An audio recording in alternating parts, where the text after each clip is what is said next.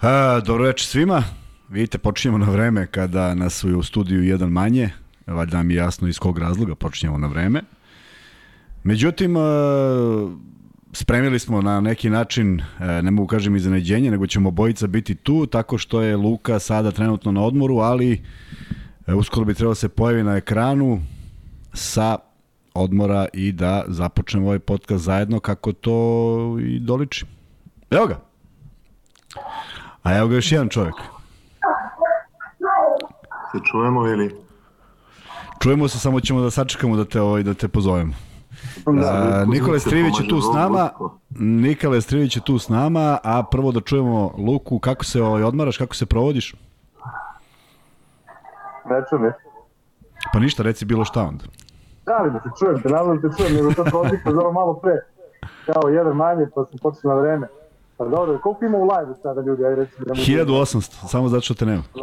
Da. E, provodim se super, ali mi nedostaje, nedostaje mi da budem tu pored vas, na toj stolici pored tebe. Lepo je, pratim sve što se dešava, naravno ne samo zbog našeg e, podcasta i onako iskreno skupljam snagu pred e, sve ono što nas čeka, čeka nas mnogo toga.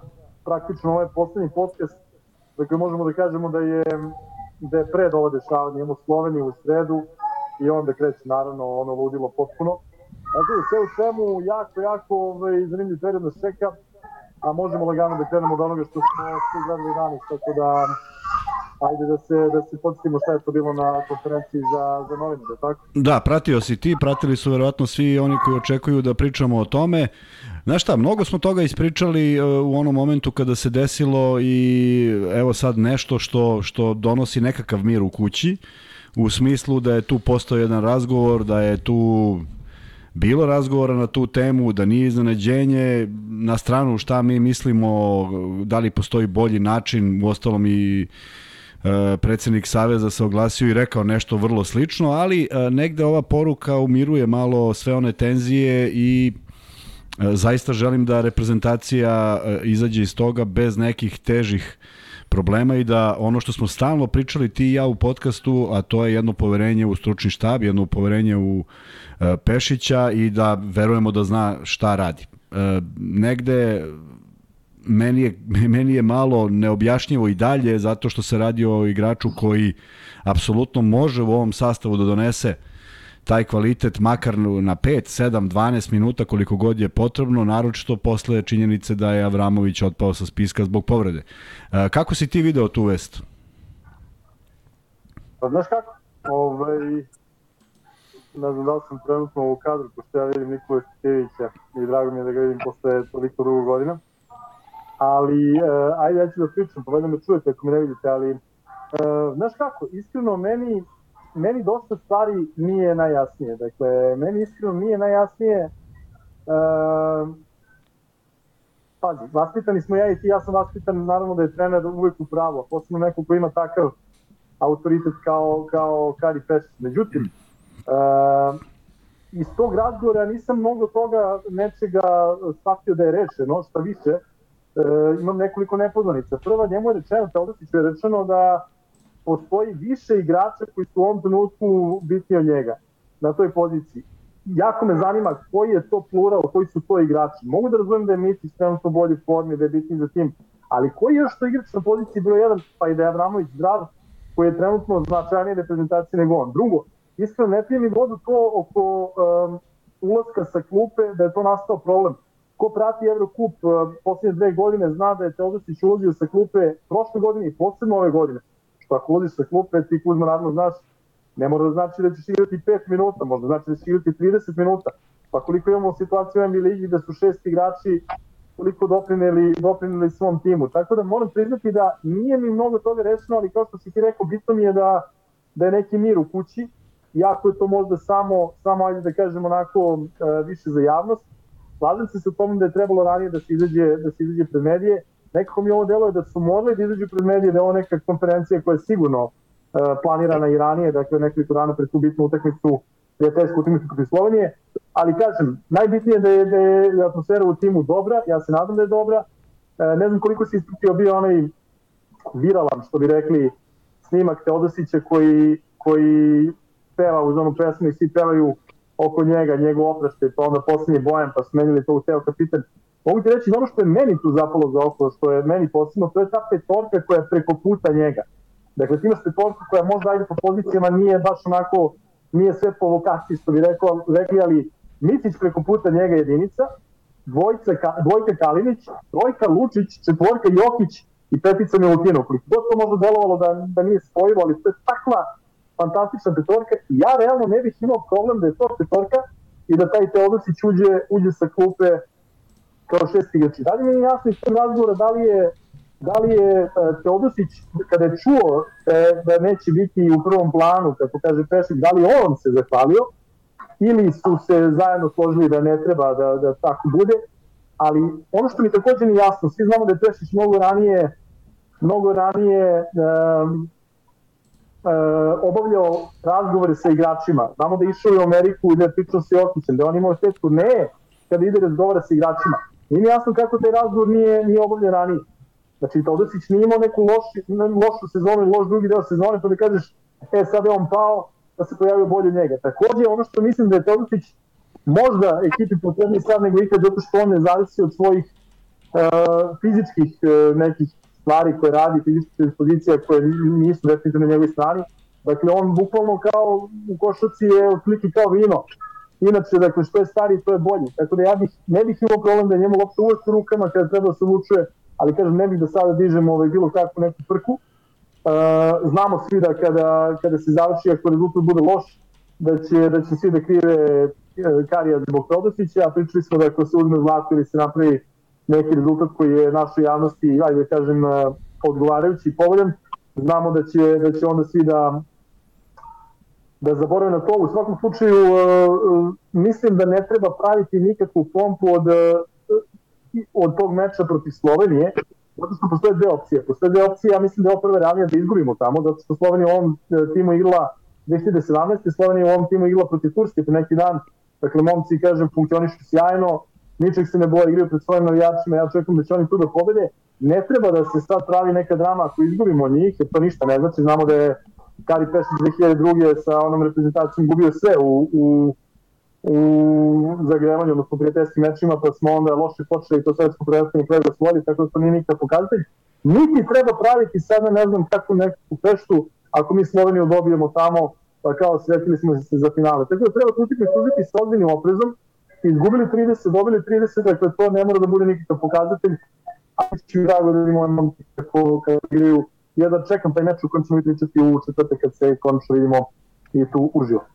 Pa mnogo toga si rekao, ali mi kako pričamo stalno o afirmativnim stvarima u košarci, upravo u tom, u tom smislu i treba da, da posmatramo sve ovo. Nedostajalo je ovo i da je bilo možda onog istog dana, možda ne bi bilo ni ovih spekulacija o kojima si mnogo u pravu, a vreme će pokazati da li je Pešić i ovoga puta napravio dobar potez i u krajnjem slučaju zaista želim da, da pozovem sve ljude koji nas prate da daju podršku reprezentaciji bezrezervnu, bezrezervnu rezervnu, jer e, najvažniji uspeh reprezentacije je mnogo više od toga ko igra, a potpuno se slažem s tobom i pričali smo o tome koliko, koliko bi on mogao nekim svojim iskustvom da donese. Meni je samo žao što sad e, jedan takav igrač koji je apsolutno bio uvek tu i bio na raspolaganju i ne samo zašto je morao, nego zašto je želeo, a, nije dobio priliku za nekom opuštenom utakmicom, mogla je da bude ta protiv Slovenije u nekom razgovoru, dogovoru, Tako. nije potrebno skraćivati spisak u tom momentu i tu ostaje neka žal zato što, zato što mislim da moramo da budemo dostojanstveni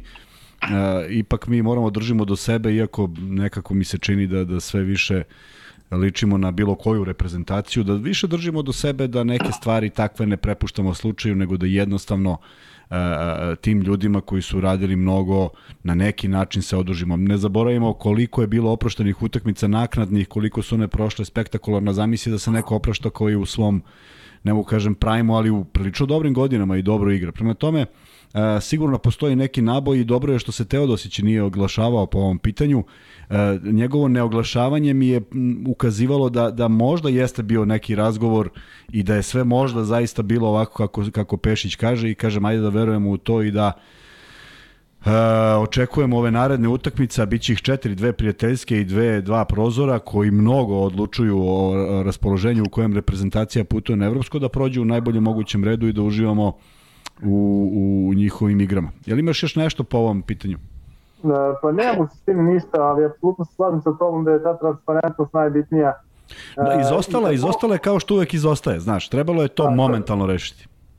I to možda treba da bude e, pokazatelj za dalje, da se možda ako bude još nekih e, tih obuka da se to reši ranije. Ja se zaista ne smijem, evo Timi Kuzma e, ispravi ako grešim, ali ne znam da li si danas pratio, dakle, odbrojavanje je bilo do te konferencije Karije Pešta. To je da, bilo, da, da, da, da. Tako čekalo kao još 20 minuta, pa svi su live nekim blogovima, pa kako on nešto kaže, mislim, to danas može samom tehnologijom, to se odmah piše.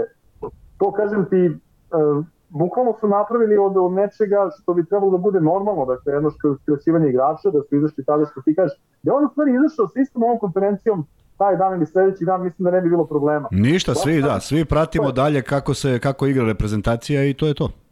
Da, ostalo je, ostalo je, kažem ti, dosta tu prostora uh, da se spekuliše, što je najgore. Kažem ti, a, a jedno 6-7 dana ti sam znaš da je bilo pitanje sada da li je, ne znam, kasnije u sobi, da li je, da, odnosno da li nije bio u sobi na vreme, da li je možda bio neki sukob od ranije, pa onda povlačiš šta su njih dvojica pričali jednom drugom, ranije, pa koliko odigrao utakmice za njega, da nije tu bio neki problem, da se to izašlo i da kao što si rekao, ne mora čak ni Pešić, ali da neko izašao i rekao ovo je sad spenje saveza i reprezentacije, dakle desilo se to i to. Ja iskreno mogu, moram da ti kažem jednu stvar, ne znam da li, da li kod tebe postoji 1%, 5% ili 0, nešto posto, ali ja nekako slepo verujem u neki preokret u ovoj situaciji. Dakle, verujem da može da se desi neki, ne, ne nešto, timsko pitanje, da bi sad Teodosić koji je možda otišao negde, znaš, da se možda vrati. Znalo se da Vramović ima problem sa šakom, dakle, to nije neka povreda koja je nastala odjednom, dakle, znalo se da je on rovit, bio takav i u onim mečevima protiv Letonije i Belgije, Tako da iskreno, ne znam, apsolutno si pravo, ne treba da dižemo nikakvu pompu, ali treba da kažemo šta mislimo, treba da budemo za reprezentaciju 100%, i evo, ako će neko biti za reprezentaciju, bit ću ja, kažem ti, navijam onako sa zadrškom u smislu neću padati u neku, neku, neku depresiju ako izgubimo od Slovenije, ali spremamo se za te prozore, odnosno za taj prozor i za meče protiv Grčke i Turske i jedni i drugi su u fantastičnim sastavima koje pravo uvetira za evropsko prvenstvo i žao mi je. Mislim da sada tek dolazimo do te situacije da vidimo koliko su ti fidini prozori besmisleni. Zato što ako mi izgubimo jednu utakmicu, mi navodno gubimo, um, gubimo mogućnost da idemo na svetsko, što nisam siguran da je tačno, A zamisli kako bi to bilo, kako bi to bilo loše za ekipu i za moral ekipe pred jedno tako takmičenje koje počne bukvalno, bukvalno nekoliko dana posle, posle tih utakmica. Ali dobro, Uh, ono što sam ja hteo da kažem za kraj, neću više da vas zadržam, znam i da Nikola čeka i želim da ga pozdravim i hvala što se odazvao da bude gost. A, a ono što hoću da vam kažem da, nas, da se gledamo i ovde, u inostranstvu, i da nas da, puno pa, hvala. Nemoj da nam kažeš desi. Neću, neću da kažem, ali inostranstvo i rekli su da kvalitetno radimo, jedan momak čak ovde iz, iz uh, hotela gde sam je prišao i rekao da kvalitetno radimo, ali ću ti jedan, jedan uh, moment na dan pre nego što sam otišao iz Beograda, prišao mi je momak na ulici i rekao neću da te zdržavam, onako prilično momak delovao, mislio sam da će nešto da kritikuje, on rekao slušaj, trenutno prolazim kroz neku fazu čudnu u svom životu, pritom je dvometraš, nije mi rekao da li je košarkaš, deluje mi to košarkaš bivši. I rekao, sad prolazim neku privatnu dramu, kaže, vaš podcast poredkom i četvrtkom je nešto što mi, evo sad naježio sam se, bolje da se isključujem odmah, pošto ću postati emotivan, ovaj, rekao mi je... Suze će ti krenuti čoveč. Ne, ali ozbiljno, da preživite... Verujem ti. Vaš podcast mi trenutno mnogo znači u životu. Da ti neko kaže, ja mu kažem, izvini što to kao ide po nekom kasnije, sad ćemo ići, sad ćemo ići ovaj, eh, jedan, jedan period do 9, on je rekao, ne interesujem, ja vas čekam, kaže, i kada završite podcast, ja odmah vratim da oslušam još jednom. Zamisli ti, eh, kažem ti, Etonik je samo taj jedan ovaj, moment, ali kažem ti, bilo još nekih pozdrava i ti imaš pozdrave, tako da sve u svemu, momci, ja vas više ne bih zadržavao, jedno čekam da pričam sa vama uživo u četvrtak, bit će uh, najava naravno mečeva koji slede, bit će na, na meč Slovenija-Srbija i ko zna šta još može da se desi među vremenu, u svakom slučaju ja vas puno pozdravljam i tebe Kuzma, i tebe Vanja, i Nikolu i nadam se da ćete lepo da razgovarate, lepo da pričate i u svakom slučaju uh, želim vam da uživate u podcastu kao što ja uživam ovih dana na odmah. Eto, toliko me. Luka, hvala ti puno ovaj, i pošto je taj momak čeka naš podcast u 11 pa gleda ponovo da predstavimo i čoveka koji nas čeka sada trenutno. E, ne znam kako bi ga predstavio. Meni je žao što smo igrali tako kratko zajedno, a, a družili se mnogo više od toga i nekako mi nedostaje što je u u Americi već dugi niz godina, ali e, mnogo mi je drago da vidim Nikolu Estratijevića u jednom divnom izdanju. Dugo ga nisam video i e, osim porukama što se dopisujemo, e, pravo osveženje da te vidim i dobrodošao u podcast sa Lukom i Kuzmom. Hvala, bolje našao, pomaže Bog svima i gledalcima i vama i, i nadam se da su familiji da ste vi dobro, s obzirom da se nismo videli jedno a, brat bratu 20 godina. Kad se sve sabere mnogo. Kaži mi, ovaj, kako si pre svega i voli, Luka obožava, sad mi je žao što nije tu, ali Luka obožava da bivše igrače i pita kako su, kako su u svom životu, kako su sa u miru u svom životu i ovaj, da, da, da čujemo čime se baviš, jer veruj mi kad smo te najavili, a je pokazat ti posle sliku kojom sam te najavio, jednu koju sam našao na, ovaj, na, na, na Facebook, na Instagram, na mreži, uh, kako si, čime se baviš i kako provodiš dane? A, prvo, ne znam da li je Luka još uvek tu, drago Jeste. da, da, smo, ovaj, da smo se barem ovako upoznali, ja ne znam da li smo ovako nekad, možda smo čak igrali, da se ja ne sećam, oprosti, ovaj, zajedno jedan protiv drugog, ko zna. A, posetit ćeš me, Luka, ajde reci mi prvo. Ne znam da... E, trenirali smo zajedno, ali pazi sada, jako kratko, na Dedinju, to je negdje između Dedinja i Senjaka, kod Ruje u uh, teretani, imali smo isto kondicionog trenera Matorog Dražu, ne znam da li, ovaj, da li je i dalje ovaj, tu, ali ona mala teretanica koja se nalazi pored indonezijske ambasade, ja se sećaš možda, mnogo davno, 20 Sećam se i teretane, sećam se, ti si Lukin drugar, jel ti si Luke Rujevića drugar ili... Ne, ne, ne, kod njih sam trenirao, Luki stavio sam uh, u školu uh, i tu sam trenirao i onda smo se zaključili jedno vreme pa je Draža malo trenirao tebe, malo mene. Sećam se da si došao ti na prvi trening i bio si uh, zapanjen. Ja sam već radio sa Dražom i radio sam sa njegovim sinom jedno vreme u tom periodu, ja sam mlađi šest godina od tebe. I uh, u tom periodu ja tek trebalo da li da idem na koleđ da se radim sa koleđa, ali uh, sećam se da je Draža koji je tad imao 70 godina, da imao neke čudne metode pa je kada treba nešto da se tresu ruke, mi je rekao, ajde sad nešto beri trešnje, a sad ti koji si tipa tu sezonu ranije odigrao u Euroligi, sad ti nešto da bereš trešnje, ovaj, nekako mi je delovalo, delovalo da, da, da si gledao belo, ali eto, tu smo se kratko zaključili, zaključili kod Ruje u, u Tanja, ja sam inače jako blizu tu dole, ovaj, dve ulice praktično ispod, ispod uh, Bulevara Mira, ti znam da si vamo, i to mi Kuzma rekao da si malo iznad, ali eto, zaključili smo se tu, ovaj, bar kratko u toj teretani trenirajući. Vidiš, da, Draže se uopšte ne sećam čoveče, ko beše taj Draža, a što se treba...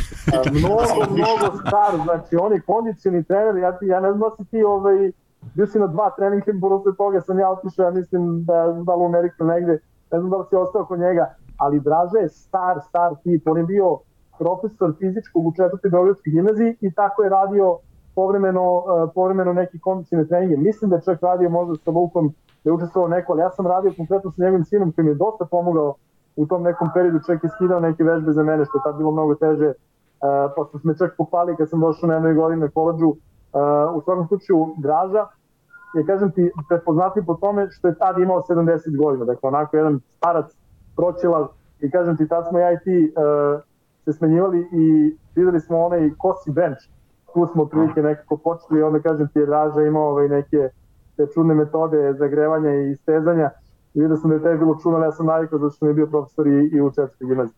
Ali eto, bar tako smo se malo susreli, ali kažem ti, e, generacijski, generacijski smo potpuno drugačiji, ali eto, istinom je to da sam ja dobar deo svog života živio u Americi, pa čak do nedavno, gde sam završio koleđ. Tako da eto, ja mogu da počnem sa pitanjem, pa ću vas zaista sada prepustiti da pričate dalje. Čekaj, stani još da te pa pitam par pitanja samo. Ovaj, znači ti si četvrta, četvrta gimnazija bio i bio gore na Dedinju odrastao, jel 22. decembar u to vreme Ne, ne, ne, Vojvoda Mišić. Ja sam Vojvoda Mišić dal na autokomand. autokomand. A sin mi sad ide ovaj pored mene, ide u 22. koji se danas zove Radni put. Lepo, eto vidiš, baš mi je drago, eto, priče, što kaže Kuzmica, kucamo na vrata zaboravljeni, ne mene uopšte, ne, asova, ali ovih asova, bilo ih je tu za stolicom i u ovoj trkačkoj stolici vašoj, da sam da su interesantne stolice. I ovaj, a, a, glupo mi je sad da ne Pričat ćemo više o drugim nekim situacijama, ima ih puno. Kuzmo, ne vidim te, vidim dva puta sebe i vidim samo luku dole. Tu sam ja, nemoj da brineš, pratim ja sve šta radiš i šta pričaš i kako izgledaš i da se pozdravimo s Lukom zato što ovaj, će nam biti lakše ako Luka želi da ostane naravno ovaj, dobrodošao. Nego... ja u live-u, gledat ću vas ja u live-u na YouTube-u, tako da momci veliki pozdrav, tu smo pa se... vidimo Piši poruke, piši poruke, one pohvalne kao kako To, ste to, to, dobri. to. Vidite kako da botem, oni što pišu loše poruke, to sam ja. To si ti pa da naravno. Luka, pali Luka. Ćao, drugari. Ajde, pozdrav s Bogom. E, Nikola, opet sad, dakle, gde si, šta si, Lado? Kuzmo, naš dobri, gde si? Pa eto, nismo, bar ovako da se vidimo, čoveče, nismo Da. pam. Znaš kad smo se videli, prvo nešto sam, naravno, vozeći u Americi, ti znaš, vozeći 18 sati dnevno, razmišljao sam kad smo se posljednji put videli. Mislim da smo se videli posljednji put u Savezu, a pre toga smo se videli lepo na, na šetnji, uh, vi ste sedeli, na primjer, ti, Tako je, ti si, ti si skakao u vodu.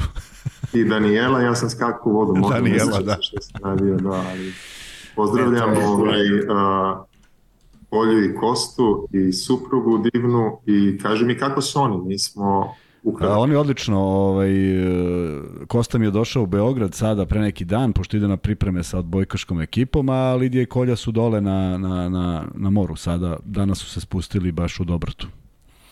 Ali vidi, sad si ti Ima 20 interesantniji. Sad si ti Kosta ima interesantniji. 27, aj, prosti, prosti, ajde, ajde, Kosta ima 190 visine i 17 godina, da. čoveč. E, ali dakle. Dakle ovaj, posljednji put smo se videli kada sam ja video Ivu i Lidija kaže ovo je Iva, a ja kažem nema šanse, trudna je, misleći da već imate troje dece, ali ispostavilo se da je bila ona i da je, i dalje vas ima četvoro, je li tako, to jest četvoro dece. Uh, hvala Bogu, da, ima nas četvoro i, i, ovaj, i nas dvoje i nekoliko pasa, nadam se da je ovaj, ptičica i svega nešto usput, ali je, jeste četvoro dece i mogu da ti kažem da time se najviše bavim. Trudim se da budem dobar otac i da ih poučim i da u stvari budem primer, ne da ih poučim, jer neke priče, nema mnogo vajde, u smislu, ali da pokažeš malo primjerom a, i, i mogu ti kažem da baš uživam u tome. A, prvo da dok ne krenemo malo da se ne zaloupa što bi rekli priča, a, iskreno saučeći ovim putem, nadam Hvala se ti puno. Čuli smo se, kakva je situacija sada? Mama je u bolnici, ali evo da se zahvalim svima što su pisali i pitali.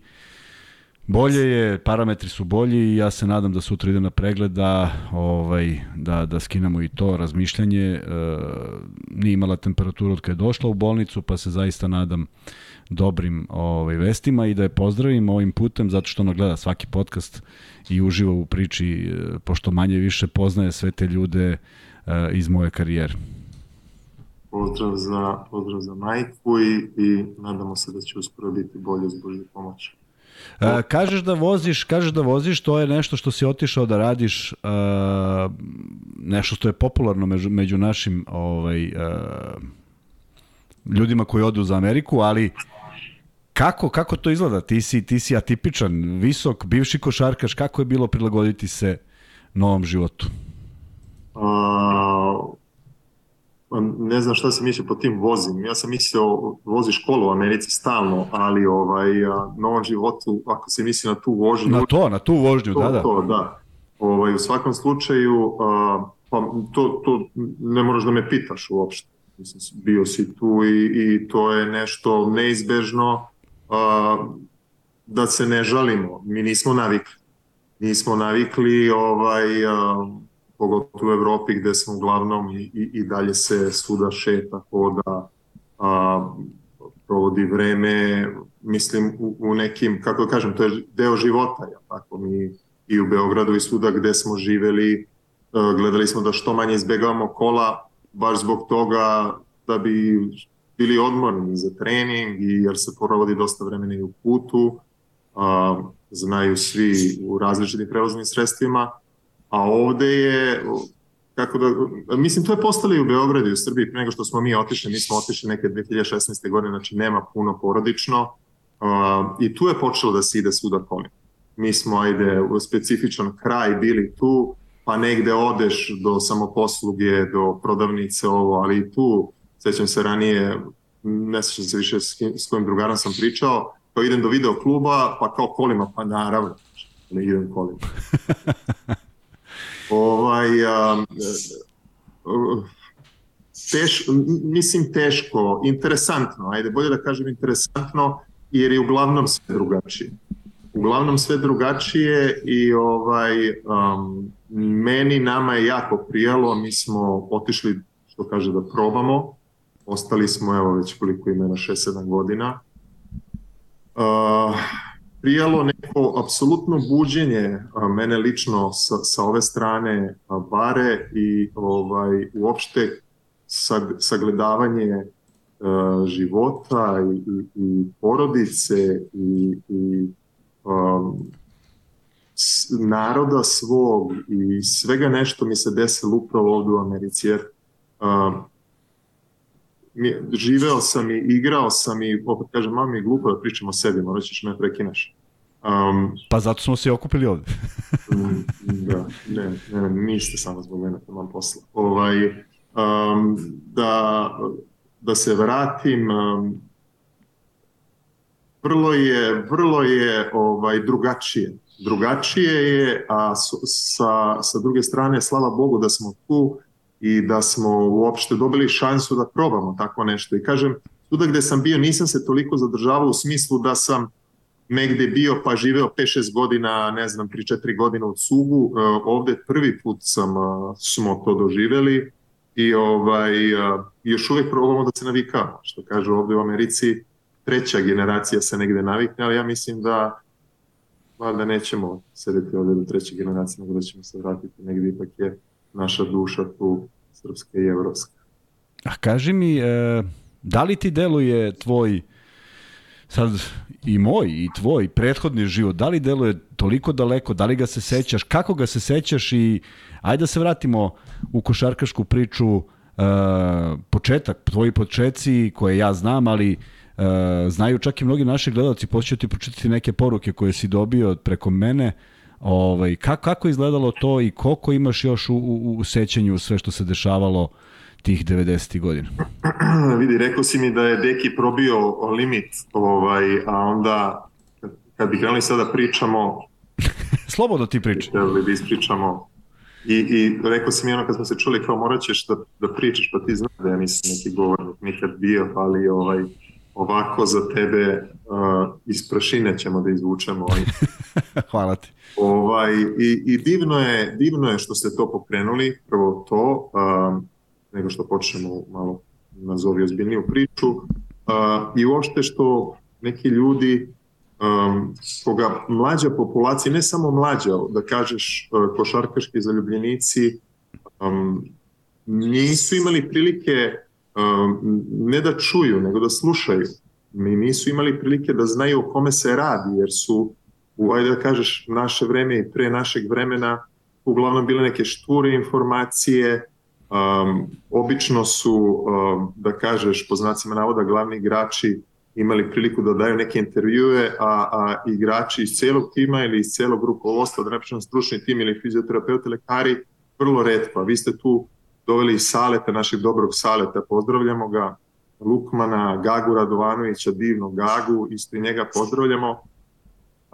A pre svega, da ne odlupam puno, da spomenem tri divna čoveka koja su otišla a, a, ja ne znam, u poslednjih godinu dana.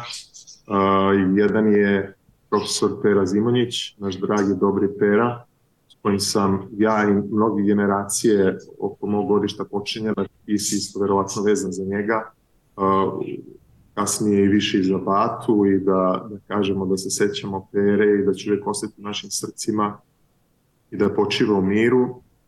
Mnogo ima situacije za Peru, ovaj, ja ću da kažem samo jednu iz pionira kad smo trenirali, on je naš, nas par mlađih, onako ne znam, mene Igora Rakca uh, u to vreme, evo više ne se setim koga, iz, ostajali smo onako posle treninga i onda sam ja s njim prvi put upoznao u stvari šta su tegovi i šta je uopšte ta neka opšta fizička priprema u tom smislu. Uh, šta je bench, šta je polučučan, šta je duboki čučan, šta je nabačaj. Sjećam se da meni taj nabačaj onako relativno dobro išao, jer sam bio jel, pritka, što bi rekao, mr, mršavko jedan. Tu sam počeo malo da jačam. Uh, I nabačaj mi je onako izuzetno dobro išao. Ja sam nešto tu stavljao, neke kilograme, ovo, ono, da su se čak skupljali i oni tu uh, tegove, u stvari da idu kao da li je moguće, šta, šta je ovo iza njega i tako dalje. Tako da Pera je tu bio ponosan, kao to je moj mali. Onda je, sećam se, još jedno divac je došao, to je već kasnije bilo i onako malo zbiljnije košarkaške ovaj, priče i godine, divac bio je onaj lockout. Da, 98. 99. Da. 99. Uh, I Diki onako dolazi šutirao, pričao, savetovao i sećam se da je pre toga uopšte što će da potpiše zve, za zvezdu, što je onako bilo iznenađenje svima, voleo je Peru, pričao sa njim, a ja sam se tu nešto još sa nekim istezao, ne znam, povodili smo ono dane i po, po, popodnevne sate u pioniru, čak nekad i noćne, ne sad da smo, Bog zna nešto kako trenirali, ali onako bili smo tu i vezani, jer smo isto, ja sam živio na drugom kraju, pa dok sam došao, pa da ne idem tamo tamo sto puta. I onda je on kao, uh, mali, ajde, hoćeš da odigraš sa Dikijem da se zagreje basket, a meni je bilo ono, ja pa se okrećem onak iza sebe, znaš, ili na filmu i, i ovaj, sećam se da sećam se da smo tu negde, da ne kažem sad, ali bili smo tu negde sa rezultatom, a, a Dik je onako igrao levom rukom tada protiv mene i to mi je onako da sam se posle Peri dugo zahvaljivao. A, drugi je naš dobri ljudina je bio Mileta Lisica, a, a, koji je i znaš kako smo mi negde odrastali, čudno, čudno vreme, to su sad neki generacijski problemi gde je, što kaže Luka, malo pre rasplakaću se, bilo i čudno i, i ovaj, interesantno rasplakati se, u stvari to je, to je mnogo lepo i divno i, i čisti se duša tako i ovaj, um, Mileta koji je nas pazio kao, ne znam, počka piliće nas mlađe. Um, isto je bio tu Igor, bio je Milan Ćurčić moje generacije, dotaći ćemo se tada, uh, Peđe i Srđan su otišli tada, ne, znam, ne mogu se sad tačno više setim, da li je bio Petar Petrović, uh, Reljić, na visokoj poziciji, tu je bilo mnogo nekih igrača, oprostit će mi, ne mogu da se setim ime, ali znam da smo u Zliju, um, pa nikad nije bio strog. Ja kažem, ostalo nam je generacijski ta neka strogoća, suštini ne znam zbog čega, uh, pogotovo u sportu i u toj disciplini, gde onda kasnije vidiš naravno da je treba i naravno da ovaj, mora da bude ozbiljno u, u, u većini vremena ako hoćeš da napreduješ i postižeš rezultat, ali uz, uz neku dozu ljubavi i poštovanja i uzajamne ovaj, brige, pogotovo stariji ka mlađima, ali je bio takav i, i mogu da ovaj, poročim, ja mislim da on ima dva sina, ja nisam siguran da je, da je mi otac bio sjajan, stvarno jedna, jedna veća ljudina. A treći, onako, to sam se, ne mogu da kažem iznenadio, jer um, svi oni sve ovo malo i prolazno na ovoj zemlji, nebo je večno, tako da um, oni se sad druži pričuje, sreta. Sreta, ja nisam bio tu i ovaj, ne, ne mogu da pro, popričam, onda kad me pitaš kako se dešavalo, ići ćemo od početaka, ali um, karijera sportska ne da je se sećam kroz maglu, nego kao da to nisam bio ja, a ja mislim da mislim da je tu puno ljudi tako reklo. Mislim kao da, je, da, da sport nikad nisam manje više ni igrao iz ove perspektive um, košarku koju sam, koju sam volao, a u suštini volim i dalje, obožavam je, a u suštini svašta sam je radio i onako nisam, nisam je bio veran uopšte. Um, Sreta koji je obeležio srpsku košarku, koji je obeležio um, čitavu Jugoslaviju koji je obeležio, koji je, koga su znali ljudi u Americi, koji je košarku, eto seća se vaša generacija dizo, dizo na, na, jed, na apsolutno, ne na veći, nego na viši nivo, na, na, na, na, na kako da kažem, jedna, jedna kopija, uh, u stvari jedna interesantna individualna kopija uh, Johna Stocktona, koji je, s kojim sam ja obožavao da igram, s kojim su svi obožavali da igraju. On ne samo da je imao konekciju sa centrima, nego je imao konekciju sa svima, bio je drugi trener, bekove je dižao na mnogo zbiljnije nivoje. Uh, nije puno pričao, ali je bio pravi dirigent i maestro na terenu i eto, um, omaž njima, omaž njima, tri, tri velikana košarke i, i Beograda i uopšte scene košarkaške. A, počeci, Kuzmica, aj sad ti reci nešto, pa će ode na... Da, hvala ti što si, ih, što si ih se podsjetio. Mi smo koristili prilike da se podsjetimo tako ljudi, ali eto, vidiš, zaista smo se na neki način zaboravili Peru Zimunjića i potpuno si u pravu, on je moj prvi kondicioni trener, prvi, prvi čovjek s kojim sam se susreo na toj poziciji, kasnije mnogo, kasnije sa njegovim sinom Batom.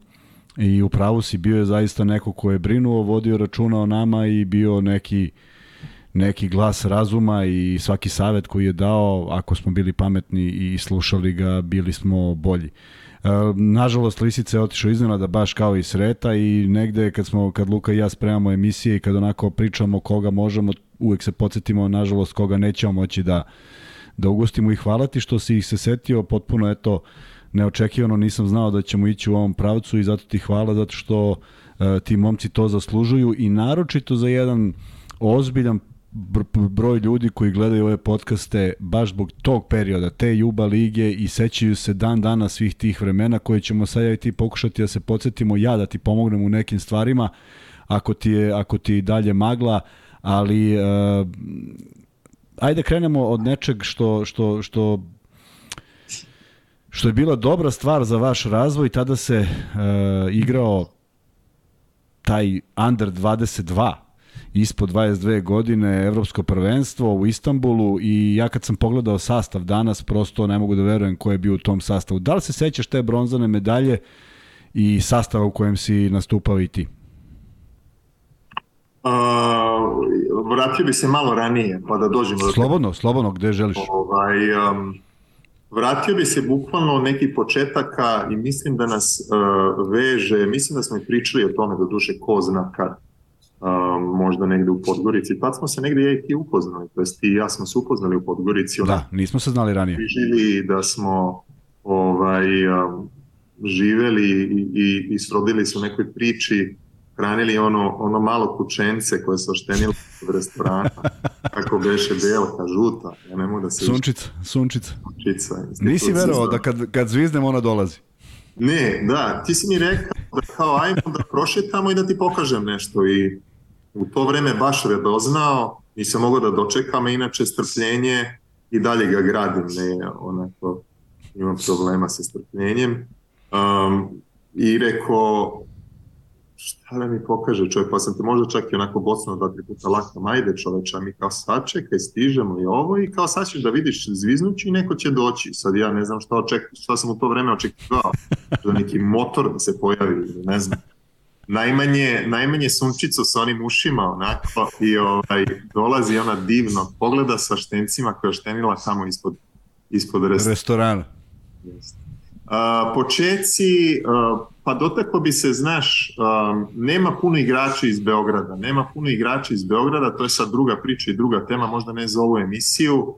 Um, mislim da je u, u, u, u, u biti ja ću da pričam naravno samo za sebe, ni, ni za koga drugog. U biti je jedno, pre svega, um, razmaženost, pre svega jedna, jedna uh, kako da kažem, uh, nepoštovanje, nepoštovanje uh, autoriteta, nepoštovanje prilika, nepoštovanje svega nečega što dolazi kasnije, a onda dolazi oni najveći problemi gde su gde su i novac i, i da kažeš slava, a pre toga um, pre toga su divni početci, divni početci gde onda kasnije sam ja to zaboravio, a to je kada u stvari ideš i upravo ona šetnja, čekaš neke autobuse, čekaš neke tramvaje, um, vozite otac u to vreme, 90. godine ludnica, uh, hoćeš da stigneš na trening, nećeš da stigneš,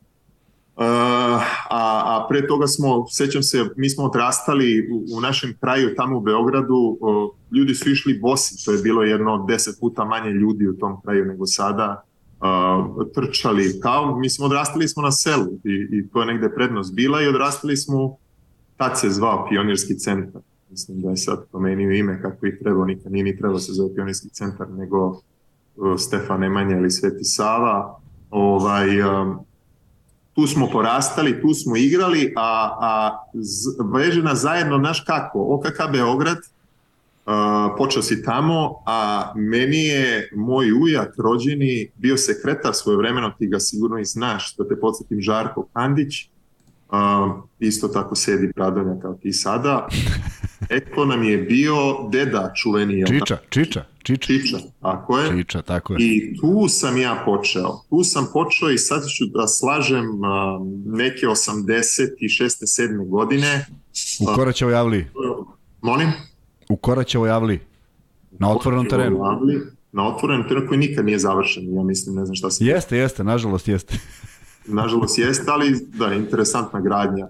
Da. Um, ovaj, um, i, I tu se sećam da smo mi igrali izvesni Sava trener, ako dobro pamtim, dobro, mi smo malo mlađa generacija od tebe, da li ga se sećaš, on je kasnije prešao u, u, ta, u Taš, on nas je vodio. Da li je Janjić, pogrešit ću, mislim da nije Janjić i sećam se da smo, tu sam sigurno bio jedno 3-4 meseca, možda i pet i posle toga smo ovaj prešli u Zvezdu. Ja samo moram nešto ti kažem, bez obzira što sam stariji od tebe šest godina, taj period o kojem ti pričaš, ja još uvek treniram futbol.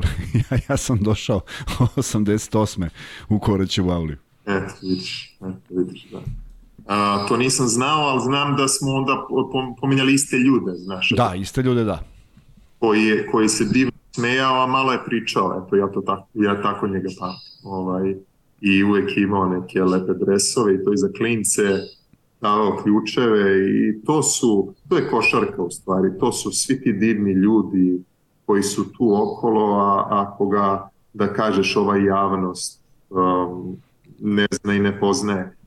Sava, posle toga Zvezda, Koza, Matić, Drinka Pavlović i Gavra. Gavra koji je, ja sam se iznenadio, nakon s vremena vreme pogledam neku utakmicu ili pročitam nešto ili mi neko nešto kaže, on je bio i bolje znaš, pratio si uh, pomoćnik u Italiji, dugo je živeo u Italiji i onda je umeđu vremenu došao u Zvezdu. Da je Tako je. Par godina, čak i vodio Zvezdu prvi tim uh, Tako je. On je radio do 90-ih i onda je otišao za Italiju jako mlad, tako da jeste, on je, on je bio tu tada i vrlo brzo se spakovao i otišao.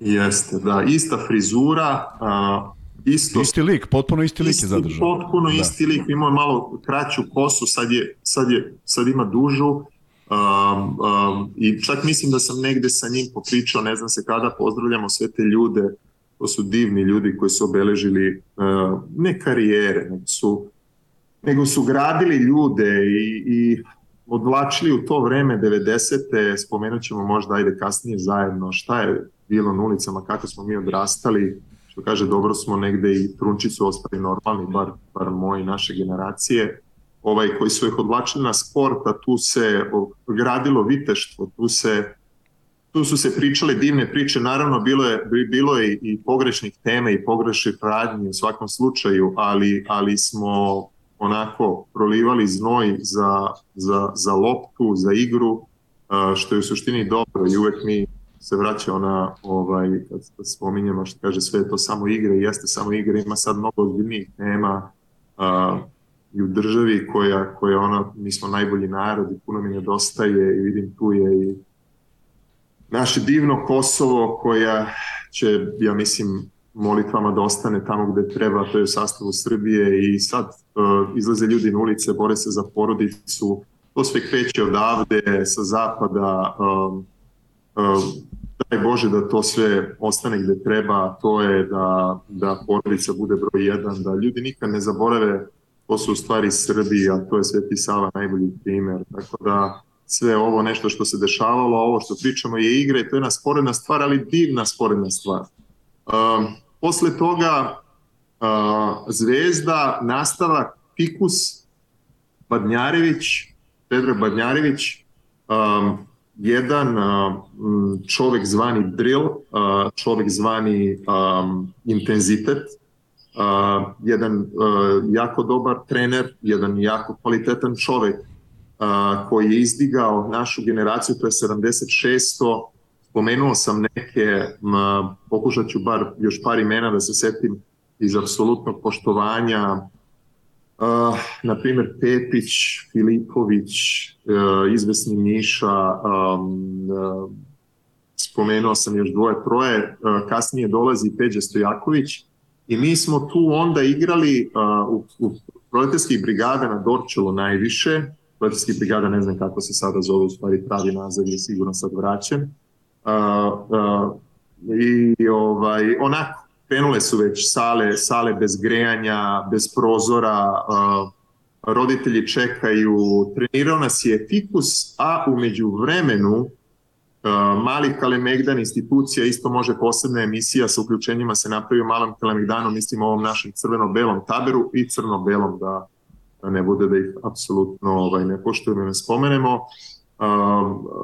Kubac, Zdravko Kubac, čovek koji je digao juniorsku kadetsku košarku i ošte košarku od koga su mnogi tekli pravi igrači, ti znaš bolje, to su, ja su starije generacije, kasnije Bebić pored Fikusa, oni su nas gradili, bilo je tu još trenera, um, oprostite što ću da zaboravim nekoga, ali eto, mi smo uh, igrali jednu, jednu ozbiljnu košarku u to vreme, mi smo uh, osvajali te neke titule kadetske i juniorske, uh,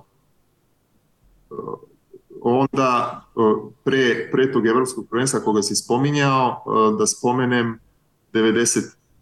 ili 5. godine Lale Lučić, takođe to za pomoćni trener, Crvena zvezda prvi tim, tu se negde priključuje Jura Kočević,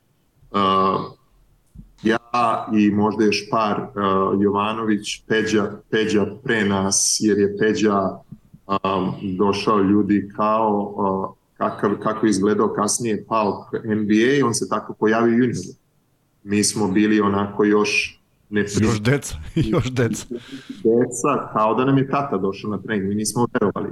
Uh, sećam se Fikus onako ozbiljno nam rekao kao doći će jedan, uh, jedan igrač, znate ga, da trenira malo sa nama, onda je već krenulo um, ludilo sa nesrećnim ratom. On je došao, uh, dečko je došao, sećam se jako dobro, bukvalno sa jednim, jednom torbom, uh, uh, ludili smo se, ne znam šta da kažeš u tom trenutku, znaš, uh, ludili smo se da, da, da, da popričamo malo sa njim, da, da, da prošetamo, da, da se družimo na kraju krajeva, to je, to je najveća stvar. Uh, on je od prvog dana, on je kasnije, mislim da je prvo živio u Zemunu, posle se preselio, došli su mu brat i, i otac, kasnije i majka, mislim. Um, krenuo je, u stvari pokazao nam je šta je trening, mi smo do tad onako trenirali to nešto juniorski, znojili se, kasnije trbušnjake, sklekove, ono, kao uradi 20 i uradiš 17, neko 7, ja sam ovih radio 7, pritom 7 su mi se tresle ruke, imao sam posle upalu jedno 14 dana. Uh, kad nismo slušali, dobijali smo čuvene ovaj, kamikaze, uh, svi pamte uh, neke, neke raznorazne kazne, kazne i nagrade, što kaže da li je to uopšte dobro, ali tako smo odrastali i ništa nam ne fali. Peđa koji je, ne znam, vezivao tada već jedno 200 do 200 ubačenih i otprilike vidjelo se, Bog mu je dao zdravlje da je ostavio pečat uopšte u našoj košarci. Um, i, I to kakav pečat. Um, u NBA-u, eto, ovaj, uh, sa divcem, mislim, smo se svi budili tada da gledamo onaj onadašnji Sacramento i, i onu trojku Korija kako ih izbacio Šekil i onda je, što, što bi rekao Muta, sve to normalno, negde Šek, da ja mislim da, da u to vreme i tekako da, da se uplašio i, i pokojni Kobi i oni, da na kraju krajeva e, što obeležava taj timski smor, to su te atmosfere, barem po meni, što bi ovde rekli team spirit, a to je, e, ako neka ekipa u bilo kom sportu ima taj team spirit, e, da skoči svako za svakoga u svakoj situaciji i da uskoči kad treba i čak ako neko priča sudi, ja sam im pričao, mi iz ove perspektive da nisam trebao, nego bolje sam čutao, sećam se da imao da, da ni ima ne može, ne sme da priđe sudi i da priče. I onda su se igrači, ne znam se sećaš da li znaš za tu priču, od, kao što fauli, da se okrena, se zaleti i onda brzo pogleda od duleta i samo spusti glavu i ode levo onako ili u ono vreme pogleda u Peru Božića, toga se sećam kad je on bio kapiten. A, a, atmosfera a, upravo tog sudi, znači kad, kad tebi saigrač priđe da kaže za mog Kuzmicu što je bio faul ja, a prođe, priđe i treći, i četvrti i peti, onda se sudija zamisli, a, a, a publika i tekako tu a, mnogo više spremna nego što nije spremna tu kod nas, čak nekad i prespremna, a mislim da to moramo i da, i da dotaknemo i uvek se dotičemo, da, da bi prizvali malo i, i, i, i ovaj, i svesti i pameti da pa realno da to više ne može tako da je, da je to prevršilo svaku meru i da ne možemo da dovedemo decu na stadione, na tribine, a, to su sve moji drugari, ja ih puno volim, tako smo mi porastali, tada smo se dičili nekim nemirima i, i, buntovništvom i ovaj, svačim nečim, a u stvari a, sve je to apsolutno pogrešno. I ako mi dan danas ne možemo da popričamo jedni s drugima, kad neko navija za suprotni tabor, pričamo o Beogradu, i o Zvezdi i Partizanu, da se i dalje ovaj, ljudi ne da se samo biju, nego da se i, i, i mrko gledaju i da to i dalje traje, da se to prenosi kao virus na, na mlađe generacije, to je, to je neprihvatljivo. I mislim da polako da treba da nas spaja, da treba se spajamo za nešto više, a to je srpstvo, a to je sad u ovom trenutku Kosovo gde je super teško i da je super teško i svima koji razmišljaju i koji vode zemlju i, i želim im stvarno da im Bog otvori srce i sa svim ovim ratovima, ne znam, i u Rusiji, Ukrajini, da apsolutno treba jedno, jedan mir i jedno, jedno razumevanje i prijateljstvo, a to čovjek može da krene samo od sebe i ako čovjek sam sebe promeni, može svojim primjerom da da, da da, eventualno da ga neko vidi svojim dobrim primjerom, inače svaka druga priča je bespotrebna. Um, I mislim da smo mi imali tu atmosferu, dragi moji Vlado, u budućnosti. Um, imali smo te iskoke, ja, ja prvi, uh, raznorazne i mislim da te, uh, posjetit ćeš me koja je tačno bila godina, mislim da je neka 2001. Prva, druga, da. Da smo se igrali košarku i mislim da smo ovaj svi bili u neću da kažem u vrhuncu jer šta je vrhunac uopšte da smo imali kontinuitet i, i da smo uh, igrali i, i uh, hvala divnom sreti koji je to započeo uh, i da smo imali atmosferu da smo se družili i da smo se pored svih onih putovanja uh, vi ste negde i pričali o tome to je neobjašnjivo, mislim, ne znam, 3-4 utakmice, 100 aviona, 100 vozova, 100 raketa, došli na destinaciju i onda kao brzo u halu, brzo spavaj, brzo jedi, pa čekaj, nisi se bandažirao, da li si ti normalan, a gde ti je torba, pa čekajte ljudi, dajte malo da, da popričamo, pa ćemo da stignemo sve. Ovaj, mislim da smo imali in, rezultat, ja sam kasnije otišao, ja sam onako imao jednu epizodu sam sa sobom, Ovaj, a, a, sećam se tog Partizana, to je njihova prva titula bila 2001. si rekao, tako druge. Da. Sećam se da smo ih nešto u, u, u pioniru a, lepo pobedili, lepo pobedili i sad, znaš, a, početak priče karijera i kako se sećaš, sećam se ljudi, sećam se puno ljudi, ali, ali nekih specifičnih ovaj, druženje, prijateljstva i priča, spomenući uh, te neke ljude, u mom slučaju nema ih puno, možda prsti jedne ruke, eventualno početak druge, jedan od tih ljudi si i ti i ovaj, drago mi da ovako pričamo. Uh, mislim da smo Partizan tada pobedili sa nekih desetak razlike. Sećam se, podsjetit ćeš me, možda i grešim, možda i grešim, apsolutno, verovatno grešim, je da si na nekoj razlici uh, ti meni nabacio uh, neki uh, lob pas na, na, na koš i da je to bilo onako neko zakucavanje kako god, ne znam da li se toga sećaš. Ne, mnogo toga se sećam, ovoga se ne sećam, zato što je toliko turbulentna ta sezona bila, Uh, ovo što si spomenuo, rakete, vozovi, avioni, zaista smo putovali to je, Milo je pričao o tome, s obzirom da je on bio sastavni deo ekipe i meni je u suštini ta sezona ostala zaista u sećanju i žal jedan što si otišao, bez obzira što znam šta ti je sve smetalo, ja sam bio malo duže tamo, a ti si tek stigao. Međutim, e, ako si ikada bacio pogled, a ja sad pozivam gledalce da pogledaju kako izgleda ta tvoja sezona statistički kroz Euroligu, igrao si zaista izvaredno i bilo je zadovoljstvo igrati s tobom jer e, nismo se mnogo, jesmo se susretali jedan protiv drugog, ali znaš kako, ne igramo na istoj poziciji pa negde se možda očešemo rame o rame, ali tada smo zaista ovaj, igrali dovoljno dobro koliko je to moguće u takvim uslovima i, i bili ovo što kažeš jedna dobra ekipa na terenu kada se sve sleglo i kada smo prestali da igramo tim ritmom od tri utakmice nedeljno što je bilo zaista pogibeljno. Ali kažem, žao mi je što si otišao jer E, sad te vraćam opet malo u prošlost na ono što sam ti spomenuo, zbog, zbog čega? Zato što si bio sastavni deo jedne ekipe koja je u stvari osvojila bronzu 96. do 22 godine, a mislim da kada ako ljudi pogledaju ko je igrao u toj ekipi, mi ćemo se podsjetiti nekih, e, je u stvari pravo čudo da niste bili prvi. Da li imaš sećanje na, te, na to prvenstvo?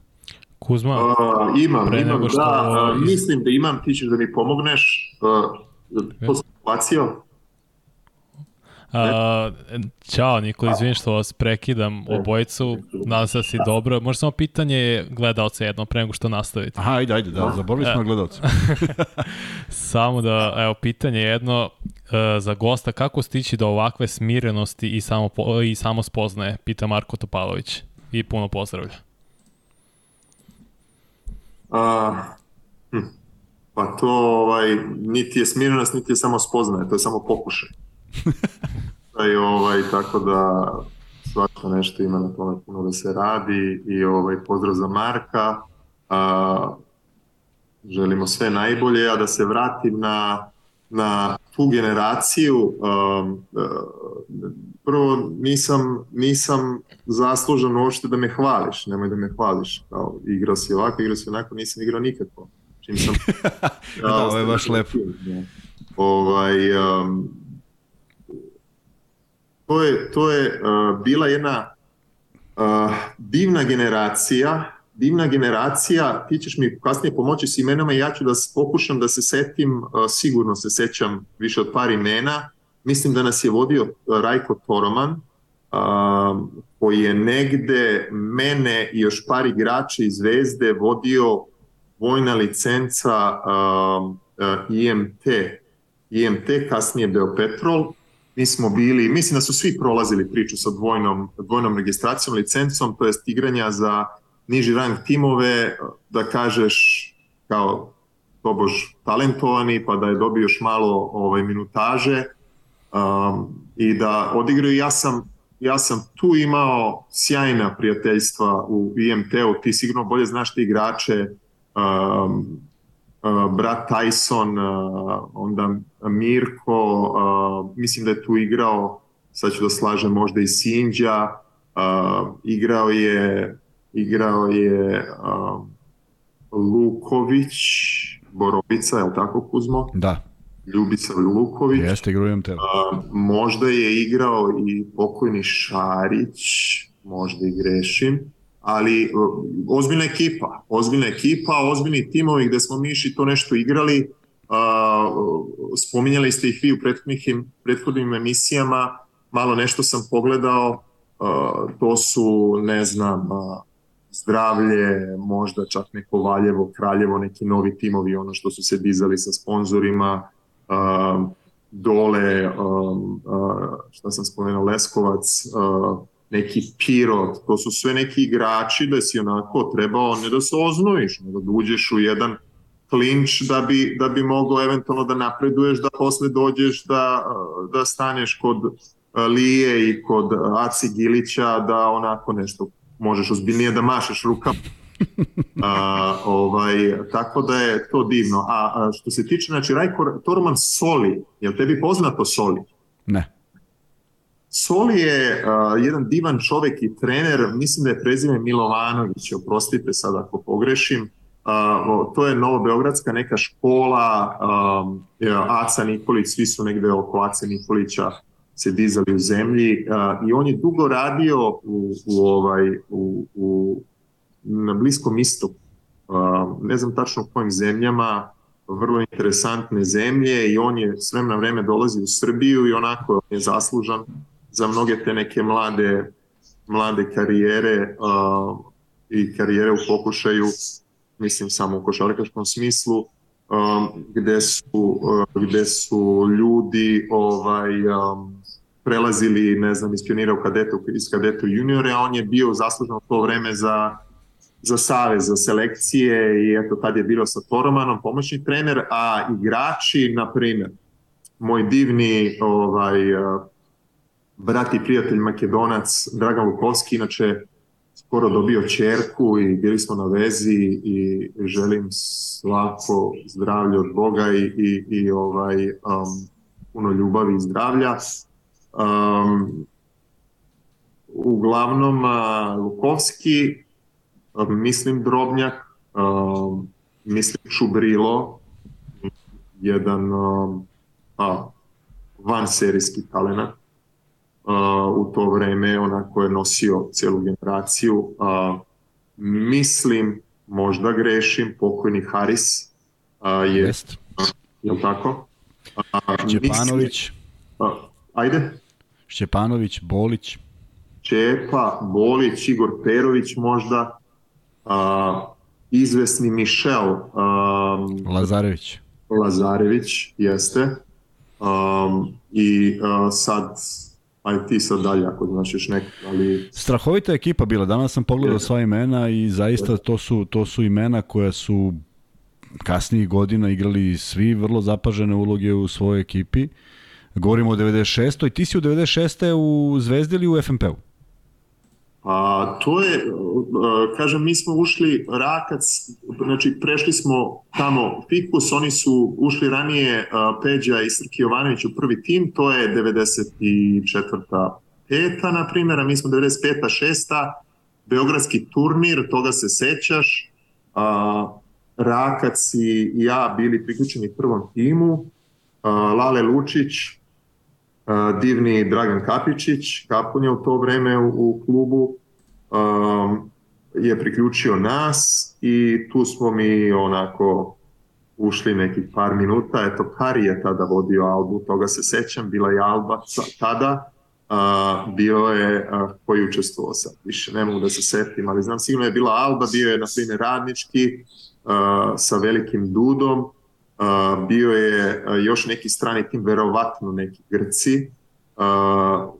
Ja se sećam da sam ušao protiv Albe, onako stvarno kroz maglu, i da, da sam se sudario, onako ulazio na teren skroz, mislim, onako, u tremi i dižem glavu, pazi sad, onako, imam neku visinu, jeli, dižem glavu i pogledam pored mene čovek 2.25 po Bobi sada, a to je izvesni Denke neki bio, da sam dobio takvu strahovitu prvi kontakt, znaš ono što kažu vatreno krštenje sportsko, uh, prvi kontakt, neko zagrađivanje i čovek me onako udari laktom u lakat, ali vidi, ne paraliza, nego paraliza paralize, da meni utrne i ova ruka od ove, znaš i nisam mogao, nisam mogao posle da se onako snađem, ali gde ćeš da tražiš izmenu samo što si došao, ušao i eto, to je 95. godina. Uh, tu smo bili uh, straobalne godine, straobalne godine ne ponovile se, uh,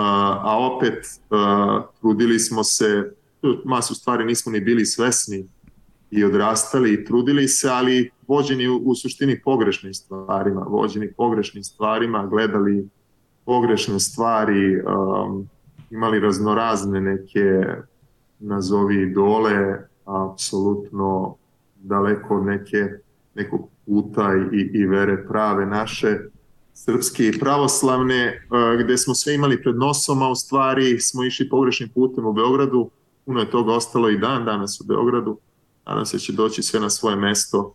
Ovaj, um, 95. 96. ja već do sad uh, isto se ne sjećam majke mi. Uh, 96. 7. mislim da odlazim u, u FNP uh, ili 97. 8. Znam da sam bio dve sezone, uh, pošto je tada u Zvezdi posle te 95. 6. pa na primjer 96. je bila jako loša uh, ti znaš koliko se tada, ne samo u Zvezdi, eto spomenuli smo našu budućnost, na divnu Podgoricu, divnu budućnost, divne ljude, dotaći ćemo ovaj, a, koliko se tu trenera promenilo, 3-4 trenera za sezonu, pa to ne možeš ni, ni da se istegneš kako treba, a kamo li da uđeš u neku ozbiljniju taktiku i, i, i ozbiljniju igru, uh, pa negde sada kažem onako interesantno, a to je da smo se navikli jer sam ja, to jest mi, uh, smo u Zvezdi takođe menjali po par trenera, a kasnije i vi, ti si kasnije, jel, i takođe bio i ostaje generacijski pečat u Zvezdi i tekakav. Ovaj, uh, jako teška situacija, promenjeni treneri i uprave i sećam se, na primer, to brat Mirko Pavlović, hoću njega da pozdravim, on je u, u tih tih ljudi nekolicina s kojima se rado čujem i slušam, nažalost ne tako, ne tako često. Sećam se, on se vratio iz Amerike, tada pilot, završio školu u Illinoisu i onako svašta nešto i lepo i doneo, a i svašta ga nešto iznenadilo, verovatno da se vratio, nije bio tu godinama. I onda smo na kraju negde završili u, u ligi da li je to ona velika liga, ne mogu da se setim, više četvoro na terenu. Crvena zvezda. Jeste, to je utakmica kada, kada se dešavalo i to. Jeste, će nema kod igra. Na šeste skine, uh, sedmi u pokušaju, sećate izvesnog uh, brata Voje Krgovića. Tako je, on je bio te sezone. Jeste. Uh, I posle toga uh, Železnik, meni su baba i deda pokojni uh, porasli i živeli u Železniku.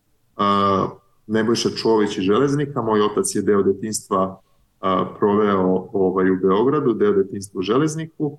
A, prvi kontakti, odlazim u Železnik, a, meni slom, ono što kažu, gde iz zvezde kao u Železnik, to je to, da li da ostavim, da li da ne ostavim.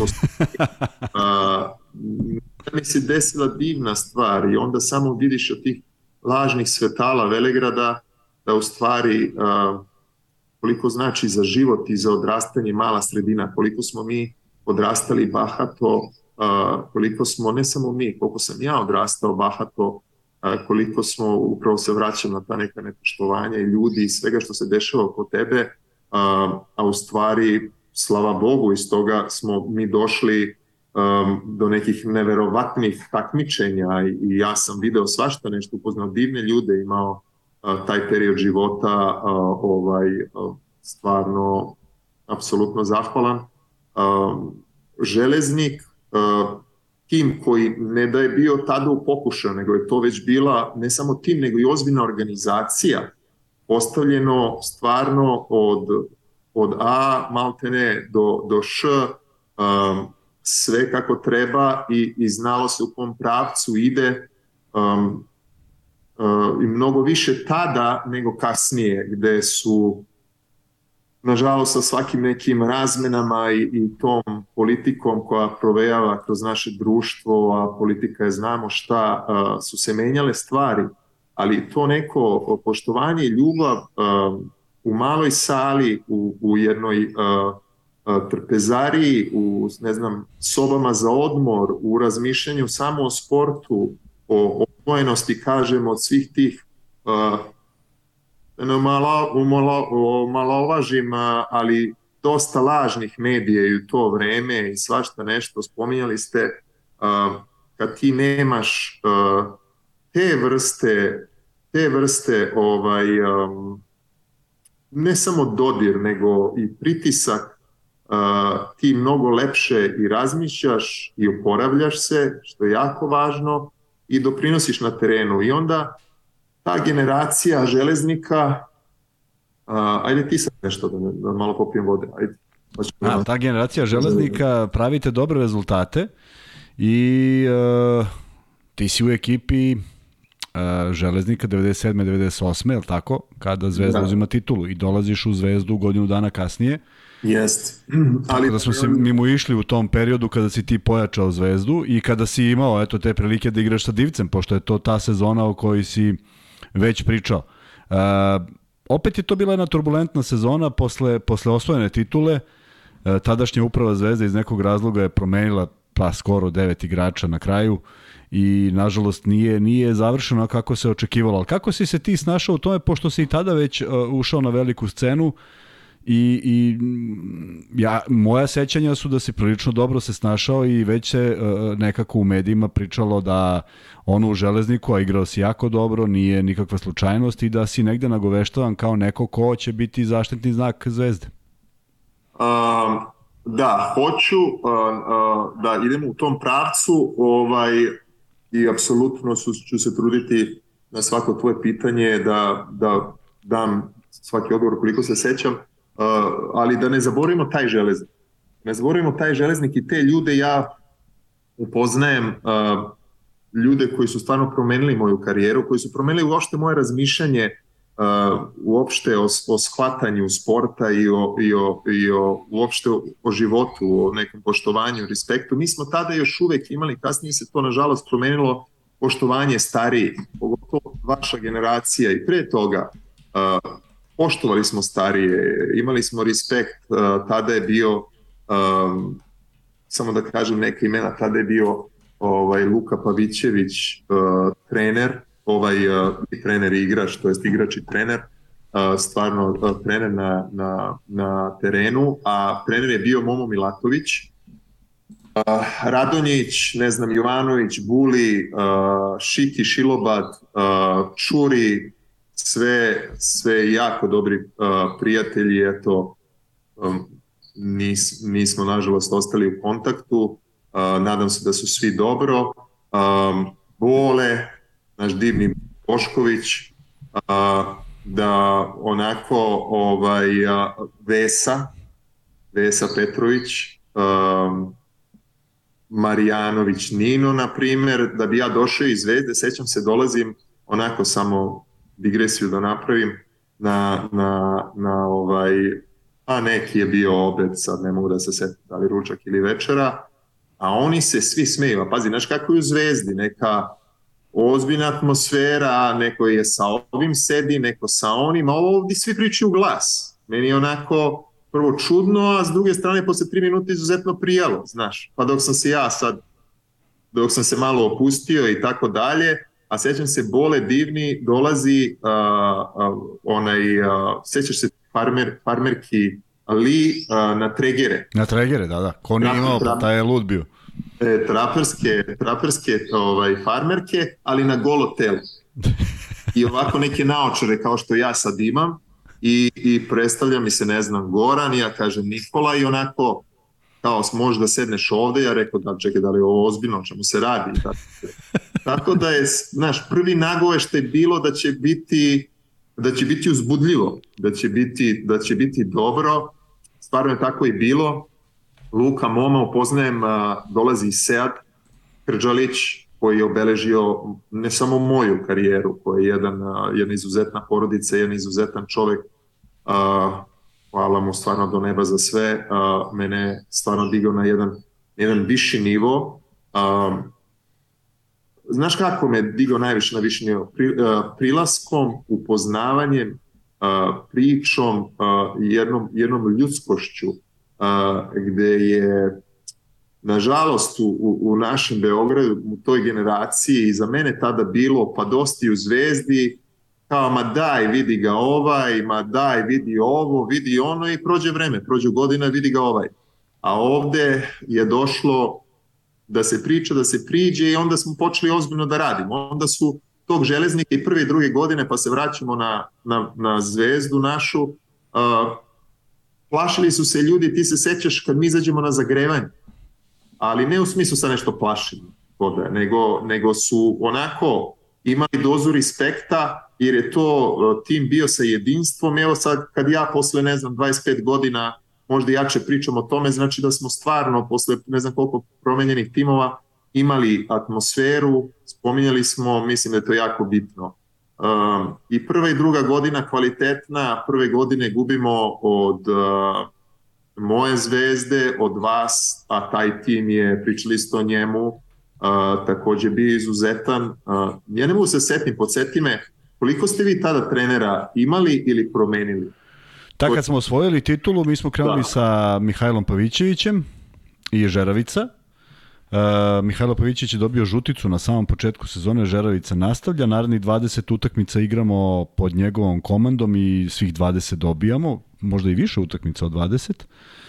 Uh, dolazi Ludvig, američki trener, najveći eksperiment ovde koji ikada upražnjen. Uh, Jastučetom za koleno. Šta da? Sa jastučetom za koleno. Tako je, imao je maramicu, maramica ispod kolena da mu se ne prlja odelo kada kleči.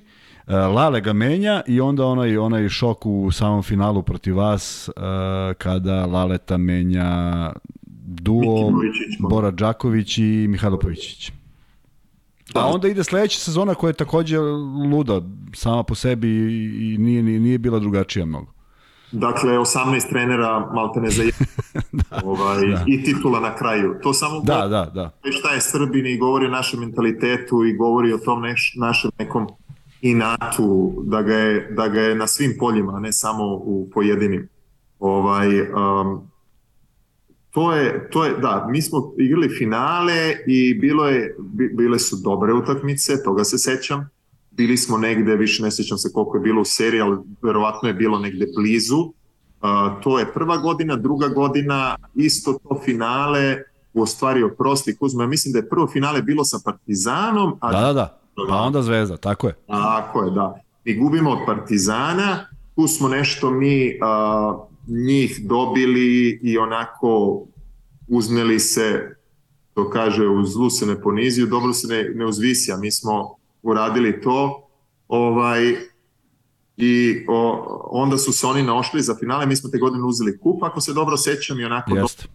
prvi trofej, uh, te je isto onako fascinantno i sada kad se sećam, ja mislim 97. godina u Nišu, inače moja, moja majka poreklom su crnogorci, ali vode poreklo, žive, pradeda je moj tamo sa juga Srbije, sa Jastrevca i onda je puno nekih mojih rođaka koji nisam ni znao da, da, da su tu i da postoje, došlo i ispratilo sve tu Nišu i železnik i ovaj interesantan transparent mi seljaci bit ćemo prvaci smo mi uzeli taj kup i tako dalje Uh, I onda su nas očekali u finalu, noštili se, nemo se setiti više ko je bio trener, verovatno, verovatno Muta Nikolić.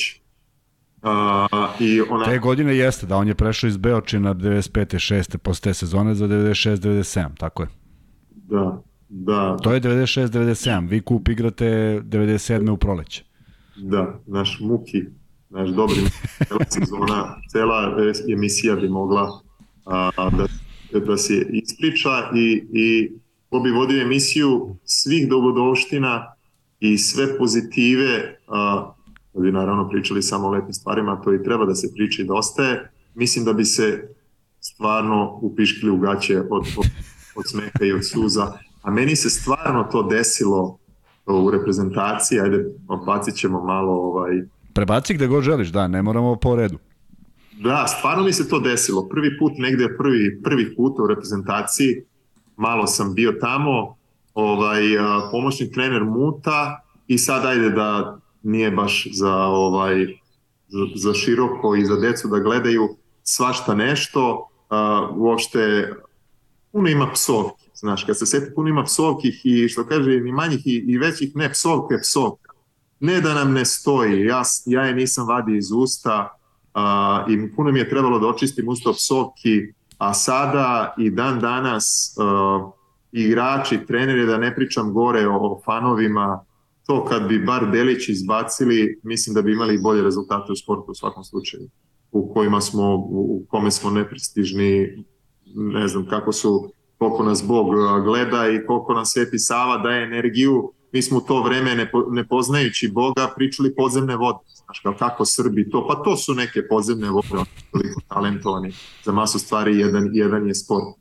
Ovaj, um, uh, muta, da, sam, da smo, ne znam, sećam se Šćepa i ja, top je bio Topić Milenko, uh, divni Milenko je isto bio onako ne po godinama, ali po stažu reprezentaciji relativno mlad i mi sad, da kažem mlađi, nemo se setnik da li još neko zapao sa nama, možda Lukovski, pun, pun sto tamo gde su takav bio neki razmaštaj u, u, ovaj, u toj trpezariji, pun sto i sad mi mlađi nemamo gde, aj sa trenerima i mi sa trenerima. Sećam se Ruso, Muta, mislim da i Željko tada sedeo za našim stolom i možda doktor i, i Giba, fizioterapeut.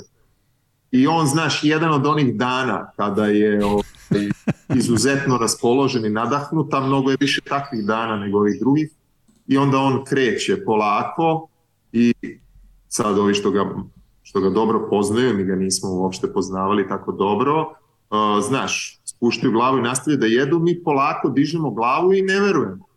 I on dobija sve veći jelan da bi bukvalno kuz, znači nije, ni supa se nije završila, meni je ispala, nisam mogao da izdržim, ispala mi je iz ruke i bukvalno sam se s oproštenjem u mokriju šora u stolicu.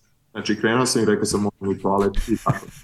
Tako da su to neke, naš, mnogo ima takvih lepih uh, ovaj, dogodovština uh, koje su ostale. A druga sezona takođe je ovaj, a, 98. ja mislim, 97. 98. tako, Zvezda, FNP gubi. Isto, da, u finalu, da isto blizu, isto... Ali ste izbacili Partizan, vi ste izbacili Partizan te. Izbacili smo u polufinalu, sećam se žestoke, žestoki dueli, žestoki sportski dueli, uh, pokojni Haris, uh, Bog da mu dušu prosti, iz, igrao uh, školsku, školski igrao, igrao na nekom nivou neverovatnom. Uh, I jak Partizan, sad ajde da ne pominjem, ali jak Partizan. Mi smo se borili, Bole je igrao fenomenalno, Luka, ma mislim ceo tim, hajde sad, da ne pričam, i mlađi i svi, opet ta FMP atmosfera, Panteri, ovaj, uh, izbacili smo Partizan i onda smo došli da skoro, skoro do pehara. Da, mi smo godinu dana pre toga izgubili taj pehar, Uh, to jest dve godine, ne godinu dana, dve godine ranije i onda nam je nekako, pošto smo nas trojica prešli iz Beočina, nekako nam je to došlo kao melem na, na tu ranu.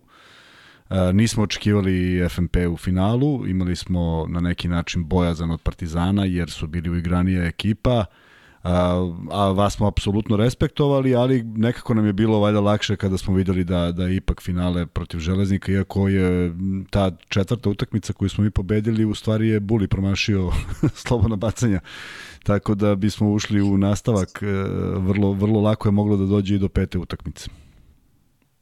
Kako je krenulo, ostali smo do pet, po vašem, a do mom popodne. Nema ovaj... veze, zato što mislim da, znaš šta, mislim da prvo niko nije ovakav, ovakav uh, pristup svemu imao, to da to verovatno ti je jasno i vidim da si pratio mnoge emisije, mnogo mi je drago što si pratio, ali kažem, ja, ja da, da kažem gledalcima, nemam uopšte, nisam imao nikakvo saznanje u kom pravcu idemo i pričamo, ja i Nikola se dopisujemo i samo sam pomislio da bi, da bi zaista voleo da bude deo ove priče i evo, mnogo mi je drago što, što ovaj, ovo vreme uh, verujem da vam se dopada i da nastavimo dalje i da pričaš, apsolutno skačiš sa teme na temu jer, jer sve što pričaš ima potpunenu novu dimenziju i svakako interesantno. Nikad više u životu nisam pričao, ali to, ja to znam. Gledalci još uvijek ne znaju. Ovaj, um,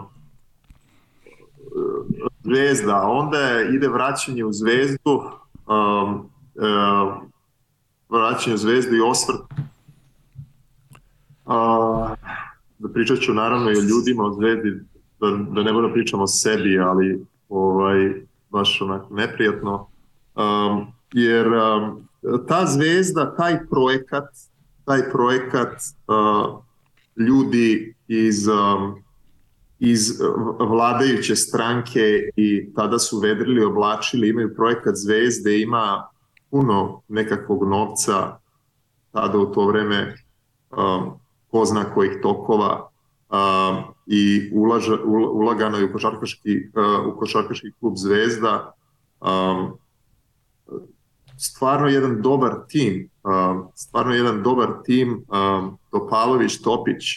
Uh, Kuzmo, jesi ti ostao ta tu? Ne, otišli smo ovako, otišli smo i Ajto Palović i ide priča i to sam nikad te nisam pitao, ali ide priča koju sam ja čuo da si ti kada si dolazio ne mogu kažem da si postavio uslov, ali si bio iznenađen da Topalović nije tu. Jer on ti se pridružuje godinu i dana kasnije. Ti si u Zvezdi ponovo dve godine, ali tako?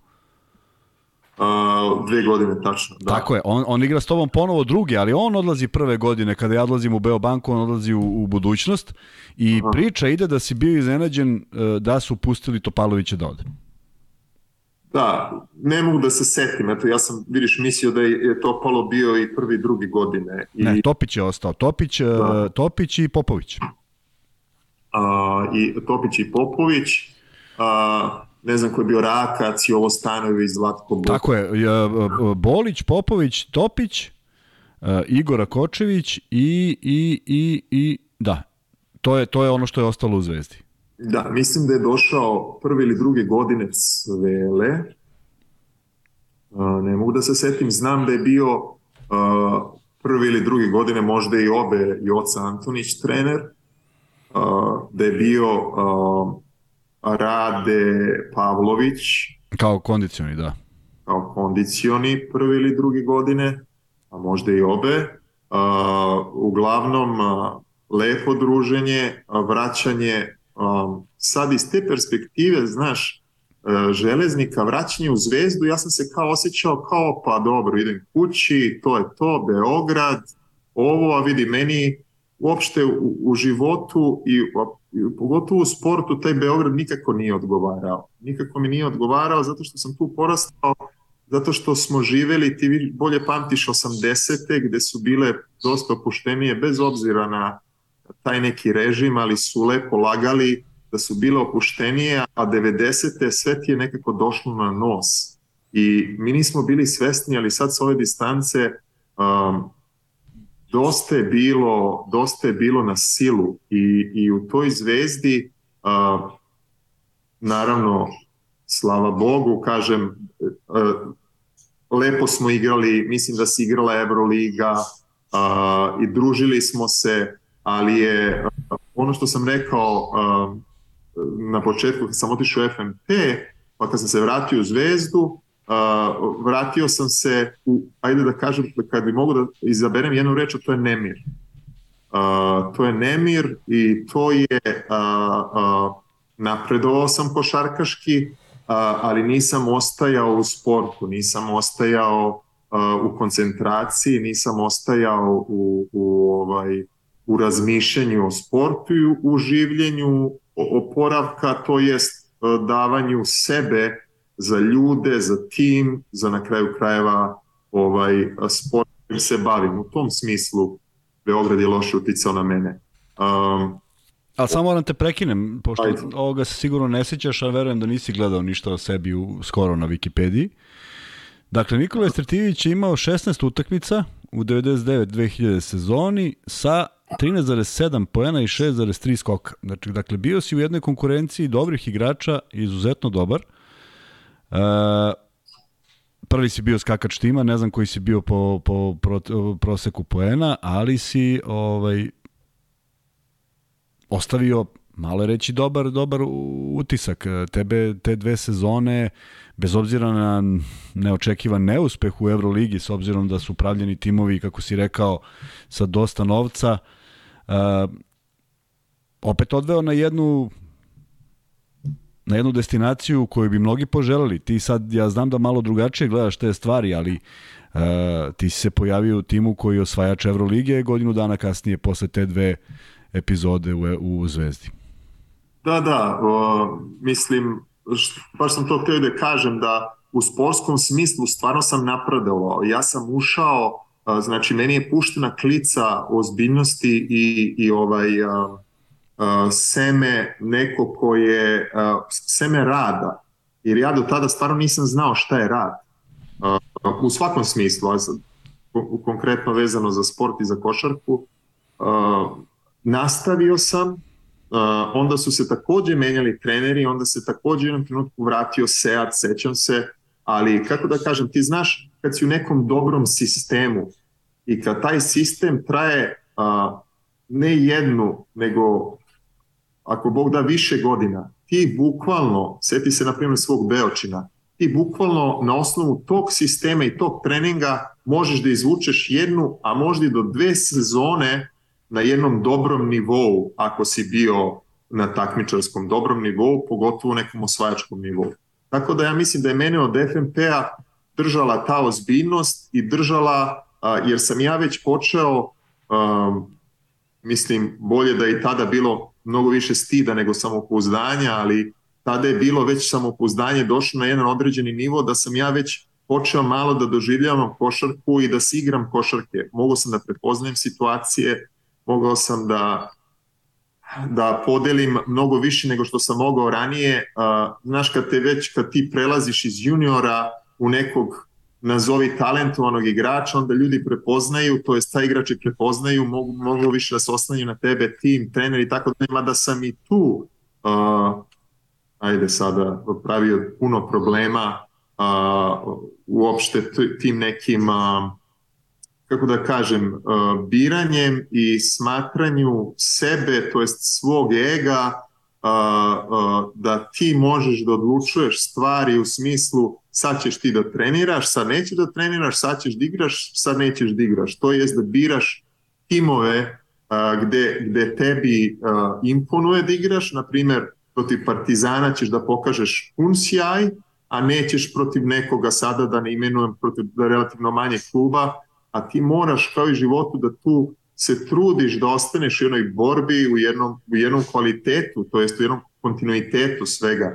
Uh, tako da, eto, da zaokružim, uh, fine sezone, uh, Euroliga ogromno iskustvo, uh, ozbiljni timovi u to vreme, uh, uh, navijači gladni, uh, sećam se prve, ne znam koja je to sezona bilo kad smo igrali, nije, nije bila, uglavnom bila je Cibona, um, nisu pušteni navijači bili, pa su onda uh, okačili šetalice i transparente i to je onako bilo tužno, a opet i fenomenalno igrati, pa onda negde Cibona povratna utakmica u te prve ili druge godine, prvi put jedan srpski tim ide u, u Hrvatsku da igra, um, par navijača kreće, uh, da kažeš onako znamenitijih navijača u tom smislu, nama putuju i onda se slikaju u hotelu Esplanada s Oliver Dragovića. Da je on onako da digli, kusnuli ga sipan rastom je bio pokojni Oliver i uh, kao sliku ko su ljudi, šta i oni se tu slikaju. I onda una hala Dražan Petrović, mi idemo, obezbeđenje naravno, to je jedno od obezbeđenja, pamtiš ih i ti, nažalost, od aerodroma, sve ulice, ja ne znam kako se zove ta ulica glavna neka u Zagrebu, sve ulice patrolne kola i marice do sale. I sad tu svašta nešto i mi dolazimo puna hala pre nego što ćemo da izađemo ne znam, mi do, dođeš ono ranije ja, u, u salu i izlazimo krcato i jednom trenutku time out, toga se isto sećam, to su onako neke situacije, a naših tih 3, 4, 5, 6, sad ih je možda i 7 koji su se skupili, se diže i sve glasa počinje pesmu Zvezda Le. Po muk i oni se svi okreću i onda oni specijalci kornjače preko ljudi preskaču i hvati ih, izlače ih napolje. To je tako. I mi dobijamo tu utakmicu, a, na kraju neki egal, da li produžeta nešto izvesni Grgat, toga se sećam, staje na staje na uh, slobodno bacanje i promašuje. I ovaj uh, i onda je bilo, ajde sad nije šta, je, šta, šta su spremili, šta će mu biti spremno, ovaj, isti autobus, vraćanje nazad, ne srča, ne polomljena stakla, nego uglavnom sva stakla polomljena istog autobusa, nekako se dovlačimo na, na aerodrom, ali je onako bilo lepo i... I nezaboravno. Da, nezaboravno, slava Bogu u tom smislu, da. Ovaj, tako da, eto, to je zvezda. Tu smo onda druga sezona, to moram da napomenem, eto onako kad, kad nekome bude možda malo teško od ovih mlađih generacija ili kako smo mi to 90-ih.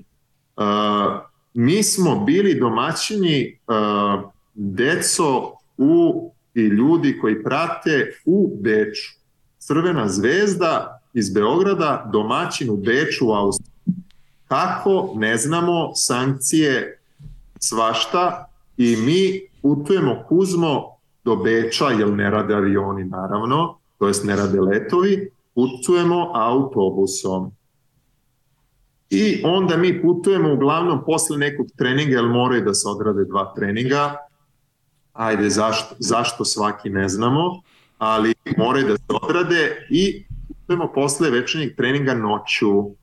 I mi sad idemo, igramo, ne znam, dočekamo Barcelonu gde odlično igramo, možda čak i pobeđujemo AEK, uh, Benetton, ozbiljne ekipe. Posle nekad se dešavalo da celu noć putujemo, pa kao ajmo brzo na šutiranje, brzo doručak, brzo odmor, ajmo brzo sala, već i utakmica. A nekad smo imali još jedan dan. Uh, I igramo dobro košarku. Nažalost, dosta toga gubimo, naravno i stice okolnosti, stice i svega, i zemlje, i, i, ovaj, i ulaganja, i na kraju krajeva kvaliteta igrača. Nismo mi tu bili ni prinesi, možda da smo imali sve to kao što su oni imali, pa da stanemo na egal tu, nikog, nikad se nikog nismo u tom smislu plašili. Uh, ali eto iz Beča, iz te perspektive i u jednom trenutku interesantno, ajde da ubacimo malo anegdoticu, uh, vraćamo se na primer nazad i sad tu ima onih par stajanja za, za WC, za ne znam šta, za vozača i tako dalje. Sred noći, Mađarska, ne znam gde, to nije autoput, nego su... Nije bilo autoputa, tako je. Da, oni neki putevi i tako dalje. Uh, benzin se švercovao, možda je čak i vozač, vozač naš vukao neke kanistere, stao da pokupi ko zna šta već. I uglavnom izlazimo, nije bio WC, idemo svi u šumicu i vraćamo se, svi nastavljaju da spavaju. I jednom trenutku neko od nas. A gde je ko? a gde je i ova? I sad, ma daj da spavaj, daj da pusti. I tu sad još jedno 10-15 minuta da bi drugi rekao, ljudi, nema i ove. I čoveče, da bismo mi ostavili i ovu Stanovića u Mađarskoj, i da bi al vozač brzo se vratio. brzo okrenuo autobus i da bi svi vrati koji crni mobilni čoveče tada u to vreme. I vratili se, naravno, i ove ni ni glasa, šta da radimo čoveče, stani, zovi policiju, zovi ovo, zovi ono mađarsko, ne pričaju engleski, interesantna vremena, da bi ova, pazi, izašao možda s jednom papučom ili s obe papuče, skroz raspojasan, posle tih utakmica i tako dalje, izašao munovan, ostao, da je on krenuo za nama peške putem i da je onda možda nešto grešimo, prosti uvo, da je došao, nije mogao više da šeta, kaže šta ću, gde ću, da je on, ja mislim, došao do neke kuće i kucao da bi mu vada neko otvorio i on je tu sačekao kako smo se mi posle spojili to sve, ali to, niko ne zna. to, su, to su bile situacije 90-ih, na toliko ih ima ovaj, neke su eto interesantne, neke nisu baš ni za spominjanje, tako da uh, ti Kuzmo malo, ajde. A, vidiš, na primjer, nisam znao za tu priču, fenomenalno je, ali e, negde, kad ja pričam o tome i kad dođu ljudi iz tog perioda, a ti si jedan od njih, e, zaista mislim da vredi sećati se svega onoga dobrog. I negde, negde, negde i ne pričamo o tim nekim lošim stvarima koje smo proživljavali svi zajedno, eto, neko iz jedne vizure, ti kao mlađi od mene, zato što sam imao tu sreću da malo duže živim u nekom drugačijem, normalnijem sistemu, tebe su pogodile sankcije u onim tinejdžerskim godinama, ali zaista nam je košarka dala da možemo da kažemo da smo bili privilegovani da se bavimo ovim sportom. Verujem da i ti tako gledaš bez obzira što iz tvoje vizure možda deluje da još, još davnije bilo. Mm, um, uh, u, svakom slučaju više da nego ne. Um, više da u smislu što smo um, se družili, što smo živeli nazovi jedan zdravi život, jer ja znam na mom senjaku kako se i tada živelo i kako je bilo da, kako bi možda bilo da nisam krenuo na, na, ovaj, na sport, bukvalno sam. Mi smo tada imali neku 43 koja je kasnije postala 44 koja je išla, ne znam, Senja Kotež, prolazila je do ovaj, preko Kneza Miloša, uh, koja su to vremena, ne znam kako se sećam, vidiš, to je, to je onako i lepo, čim, čim se sećam. ovaj, a, glavna pošta i onda tu izađem idem do Drinke peške, onda se vraćam i pobegnem i poslednji noćni, ne samo da sam ja to prolazio, to su mnogi i svi prolazili, poslednji noćni i onda ja krenem sam peške ovaj, niz Kneza Miloša tamo do kuće. I onda stignem do Nekle i ne znam, onda krenem kao neću više Kneza Miloša, nego idemo do Ozgo do Manježa, pa ću preko kliničkog centra, taj park, pa ću tako, ajde, i, i onako dođem negde u jedan ujutru, to je bila doba osnovne škole. Uh, divne škole, malo osvrt, divne škole, pored još divnijeg manastira Vavedenje, uh, gde smo išli i brali trešnje, to jest krali trešnje, ali bez pitanja nevaspitana deca, ne neći prave vrednosti u to vreme. Nažalost, nismo imali, ni društvo nas nije učilo, ovaj, i porodice koje su nas najviše volele, nisu one krive, ali nismo mogli da imamo prvo vrhunsku ljubav, pa onda da imamo i tu porodičnu ljubav koju, ovaj, koja se nasleđuje upravo te prve. Uh, divnog našeg manastira, uh, Posle toga smo se uh, mi preselili na Banao Brdo sa Senjaka, posle smo se opet vratili na Senjak, ali hoću da kažem mnogo više lepih stvari Kuzmo nego ružnih, a naravno bilo je i tih, ali nećemo da ih spominjemo, niti mislim da ima potrebe da ih spominjemo, ovaj, uh, jer uh, znaš šta, kasnije kad dođu, ja konkretno nisam znao da, da platiram, a to je problem, jer znaš, kada dođe novac ako ne znaš da se ponašaš sa istim, to jest, ako ne znaš da pomogneš onima a, koji nemaju, ako ne znaš da daš možda i pola i više od pola a, ljudima koji se muče, mi smo bili bahati. A, slavu neću, to nije neka slava, to je slavica, tako, a to su ovaj, dve stvarno demonske energije a, kada te uzmu pod svoje i ako ne znaš da ih kontrolišeš, uh, ako ne znaš da ih kontrolišeš, uh, u problemu si.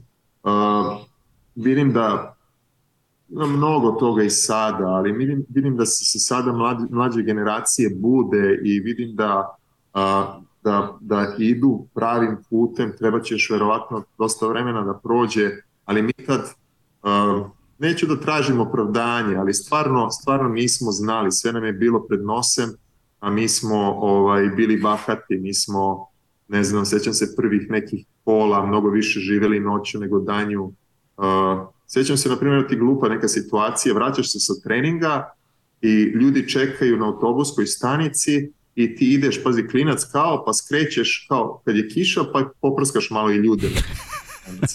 Mislim, alo, čoveče, uh, ovaj, no nije smešno, je tužno i jadno je, a, a, ovaj, a to donosi nešto ako nisi na pravom putu, ako nemaš, nemaš nisi pronašli, ako nemaš od koga da vidiš, onda, onda se upravo, naš, ide samopouzdanje i te neke lepe stvari u ružne, a nije to trebalo tako da bude u svakom slučaju.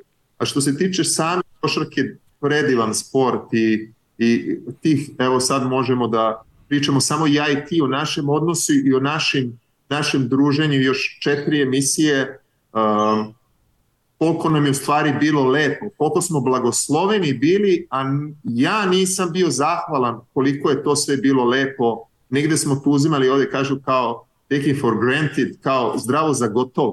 Šta zdravo za gotov? To ne možeš nikad u životu, a da nisi zahvalan. Ili još jednu kao digresiju da napravim, tada smo mi dosta živjeli u tom kao u zdravom telu, zdrav duh, pa ne upravo obrnuto ako duh nije zdrav, ne može da bude zdravo ni telo. Ne može ni to telo da ti se oporavi za taj neki trening, ali ako ti je duh zdrav, ako on treperi, ako on ima veru svoju, ako on zna svoju tradiciju, istoriju, ako zna svoj zavet, a što ove generacije mislim da znaju i upoznaju, oni znaju koji im identitet, mi smo tad bili u magli izmaglici. Ajde Kuzma. Uh, ja se opet vraćam na košarku, pošto ovaj, mi je divno šta pričaš i na način na koji pričaš. Ne pamtite kao takvog, to moram da kažem gledalcima. Pamtite kao jednog e, čoveka s kojim sam volao da provodim vreme, imao si svakakve ideje koje su tada možda ne baš e, prskanje baricama, ali bile su malo ovaj, blesave i uživao sam u tome jer smo bili u tim godinama. Uh, ali vraćam se na košarku zato što, kažem, žao mi je što nisi ostao tu jednu godinu do koje ćemo doći, međutim ti si iz Zvezde otišao u jedan pravi tim u kojem si, i sad to nema baš mnogo veliki broj igrača koji može se pohvali, osvojio Euroligu. Doduše, ja mislim da je Euroliga bila podeljena na dva dela, je tako, Fibina i, i ova Ulebova, ali si svakako sa Virtusom bio prvak Evrope. Uh, Kakva su ti sećanja iz Italije? To je ovaj isto um, um, predivna organizacija, predivan grad, da ga uporedim uh, Bolonju um, i svi koji su igrali mogu mnogo više da pričaju o mene. Mene vežu i dan danas divna prijateljstva i nekako uh, puno mi je srce sa tim ljudima koji mnogo vole košarku i žive za košarku i pre svega razumeju. Znaš ono, kad izađeš u pioniru na teren, pa onaj uh, vidi tri sekunde pre nego što je odsvirano.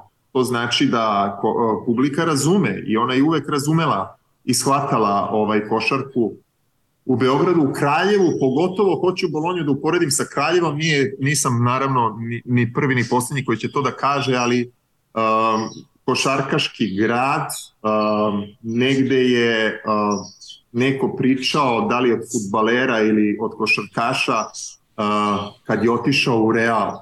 Um, slična situacija, možda je Virtus na, na, na stepenici ispod što se tiče tradicije, ali što se tiče organizacije i što se tiče uh, ovaj um, same ljubavi i same istine o košarci je apsolutno uz te, uz te najveće. Uh, čak su negde možda i po titulama u košarci. Kad odeš i onako realno nije ti jasno šta se dešava oko tebe. Naviću neki par primera. Prvo, u to vreme sam se malo izdigao, jel, i znaš ko mi je puno pomogao, eto, može i tako, i nije sigurno jedini primer, da ti ljudi suprotnog tabora pomognu, a to je a, divni Dule Vujošević i, i divni Saša Danilović, jer su oni prvi kontaktirali tada u odnosu sa Eterom Mesinom, a, mi smo tada u Euroligi igrali negde sa njima, igrali smo dobro kao tim, ja nazovi zapažen i oni su kontaktirali u smislu kako se to radi i danas na mnogo većem nivou. U Americi se tada radilo, oni su dosta kopirali. Uh, ajde dođi ti dečko da se upoznam. I to je pre eventualnog potpisivanja ti si išao jednom, dva put uh, da se upoznaš, da pričaš o sebi, da pričaš o porodici, da pričaš uh, gde, šta radiš, kako provodiš vreme, da li imaš devojku, da li, pazi pitanje, a da li e, je veza ozbiljna i koliko si dugo sa devojkom? To su ta pitanja bila. Znači, o, apsolutno jedna ozbiljnost mnogo više van terena da vide oni koliko ti uopšte možeš eventualno da doprineseš na terenu kao šraf tima. A, tako da ja odlazim u Virtus, odlazim prvo u, u, ovaj, u malu salu, njihovu salu za trening gde je nama to tada bilo, nije da nismo trenirali do tada, ali je bilo pojam kao vidi ču mala sala. Ima i mala sala, ima i sala za trening i za ne znam atletske sposobnosti i tako dalje.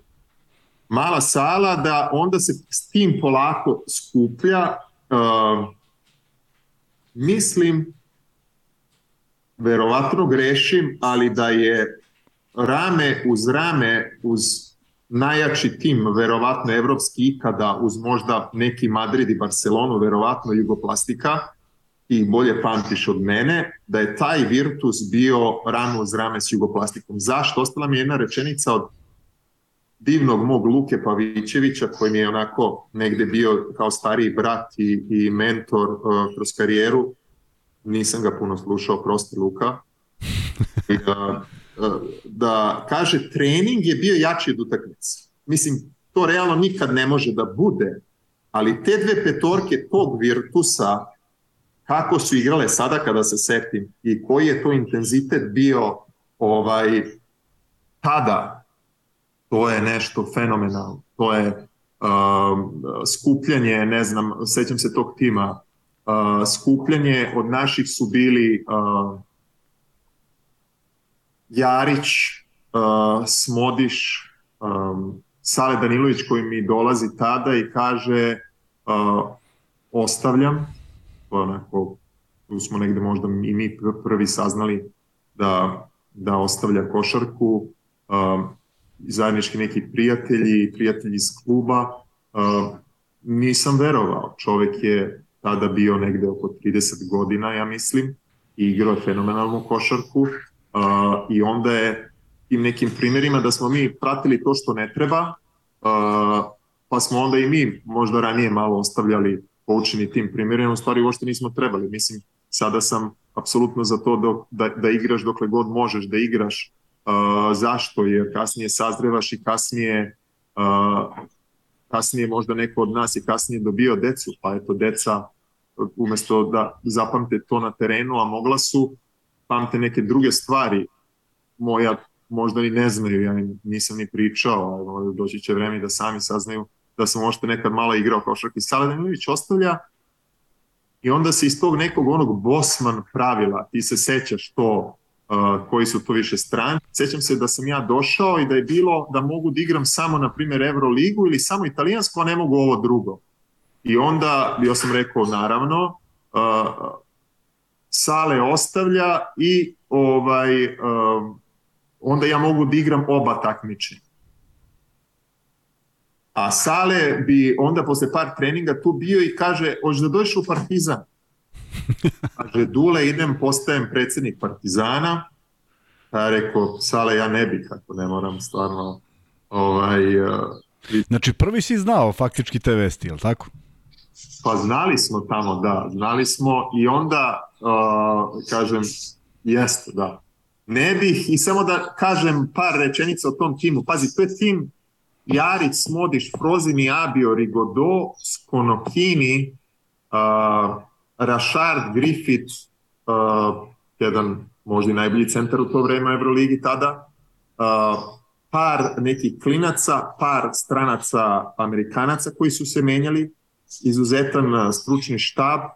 Uh, i to je stvarno mislim, ne se setim, pazi, zaboravio sam, zaboravio sam čoveka košarku Manu Ginobili koji dolazi, uh, koji dolazi umesto Saleta Danilovića i otprilike sećam se tada pa čekaj tad Ređo Kalabrija uh, kako on može da zameni Saleta, Sale Saletu samo što spomenik nisu uh, digli u tom nekom uh, poštovanju i košarci u Bolonji, uh, kako će onda zameni Saleta, međutim, vidi ono međutim, ona naša beogradska poštapalica, uh, Ginobili ostaje to ko postaje i evo negde smo sad je ne znam to mi je predlog za jedno sledećih emisija Nemanja Jovanović Texas, bivši trener uh, u Zvezdi, uh, promenio par klubova, Španija, ne znam, pomoćni, glavni, uh, manje lige, Skandinavija, došao na SMU, Larry, pazi, Larry Brown ga zvao. Larry Brown ga zvao Ameriku da bude, tada je on bio na SMU ovde iz Dallasa, dobar fakultet, prestižan fakultet što se tiče tih nekih tuišana, to jest stipendije i školarina, to je kao da te je zvao, ne znam, Phil Jackson u ovo, eto, Radman može da priča i ovaj, što se tiče košarke. Predlog sledećih emisija ga dovedete jer je on stvarno čovek posvećen košarci, ovde vodi jednu divnu akademiju za decu, trenere na SMU, uh, i on razmenjuje neki kontakt Manu Ginobili letnja liga sad na Spursima i ovo, tako da nismo se videli, ne vjerujem da ćemo se videti, ali eto, život vidiš kako spoji da živi San Antonio odavde na 3-4 sata. E, tako da taj tim je, vidi, Kuzmo bio mm, ne znam šta bih rekao, ali vihor od tima, bukvalno to je i taj trener koji je držao sve sve onako pod konac negde uh, naša klica te neke strogosti kasnije ovaj, odlazi u Ameriku pa vidi možda da to i ne mora tako, da ne mora kazna i nagrada, nego da može možda i malo drugačije. Fino, fino i opušteno, jel? Uh, uh, uh, jedna sezona gde mi, tvoje pitanje je da mi igramo, bila je podeljena liga. Da. Euroliga, ova druga se zvala, kako se zvala nešto? Ule? Superliga. Superliga, gde sa druge strane uh, vedre i oblače uh, Tao Keramika, na primer, uh, i, i Panathinaikos sa Željkom, sa Bodirogom i sa Rebračom, u najboljim godinama Makabi takođe. Um, Tao Keramika tada, mislim da mi igramo u finalu sa, što se tiče te Evrolige sa Tao Keramikom, koji je tada bio uh, dva Argentinca, pomozi mi, Spola i Oberto, je li tako? Um, uh, i, i, i još, nemo se setni više izuzetni igrači, da ti, mi tu pobeđujemo ovaj, um, Evroligu i, i osvajamo puna hala, ja sam Uh, bio to nekad u timu, nekad ne, uh, izuzetna konkurencija je bila. Uh, tu je, ja sam prve sezone uh, bukvalno ispao iz rotacije, imao sam tešku povredu ramena, uh, rame mi je bukvalno ono iskočilo na treningu, sad, sad ne pričam o tome i nisam se odlučio na operaciju, nego na oporavak, bio sam van rotacije 2-3 meseca, uskočio je divni momak Anderson ili Andersen, David Anderson, koji je napravio izuzetnu karijeru, čak i išao i do, do NBA-a. Um, tako da je ovaj uh, njega sam zaboravio da spomene na početku na početku ovaj sastavljanja tima, to jest pričanja igrača iz tog tima. Uh, tako da je ta ovaj da ajde ne pričam po treći put ozbiljna ekipa posle te sezone ide naša budućnost. Da, ide naša došli smo do budućnosti, jeste. Naša budućnost s tim što uh, mali Nikola, tada ne više tako mali, ali mali u razmišljanju ne ostaje da ostane da radi i da prihvati ponudu, na primjer, nekog Varezea ili neke Albe i da ostane pa ne na košarkaškoj mapi, nego na ne, ne, ne, ne ozbiljnost, a, nego hoće da uzme mnogo više para u budućnosti, a, isto tokovi novca problematični, tokovi novca koji sve to drže, skupljuju divne ljude, ali ti tokovi novca možda nisu dozvolili da a, taj projekat bude kakav treba da bude i tako dalje jednog režima a, koji je takav kakav je i ovaj i dan danas vidimo i hvala Bogu da tu ima promena, hvala Bogu na litijama, na Crnoj Gori, hvala Bogu blagopočivšem Amfilohiju Radovića koji je digao Crnu Goru što zaslužuje da bude, koji je obnovio crkve i manastire, koji je napravio uh, srpsku Spartu, uh, ponovo iznedrio prave vrednosti siguran sam u to i oni će ostati na pravom putu. Naša divna budućnost, divni ljudi, divni Danilo, divni Zoća, fizioterapeut. Zoran, Zoran. Vlada, je tako beše Zoća? Zoran. Ja? Zoran sa, sa češljom, uvijek ima onaj češalj kao negde ja, sad što stavljam kosu, ovaj, divni Tiho, a, divni, a, koji je još bio tu, pomozi mi, a, dobro, ajde sad da ne ulazim ove uprave. A, onako isto iznenađenje, znaš kako me podsjetilo? Podsjetilo me na, na atmosferu a, železnika, naravno na nekom, na nekom drugom nivou, ali a, ima, imali smo to nešto, nekako sam izdahnuo kad sam došao u smislu kao nikad nisam bio, ali sam stvarno smatrao i, i voleo kao svoju kuću, novu kuću, mada sam i tu nešto pravio, svašta izvoljevao, mnogo više treba jedno, jedno razmaženo dete a, u to vreme i ovaj a, eto. Sad opet te podsjetim nešto košarkaški. Ajde. I kaže, onda igra u budućnosti i 12,6 poena i 6,3 skok. Kako nisi ovih 6,3 uspeo da pretvoriš 6,4? 2 put 6,3, to je neverovatno. Ali hoću da kažem, i tad si igrao dobro. I to je trajalo, nažalost, ne celu sezonu. Samo baš iz ove vizure, iz ove vizure tebe kao drugog, čo, drugačijeg čoveka, ne drugog, drugačijeg.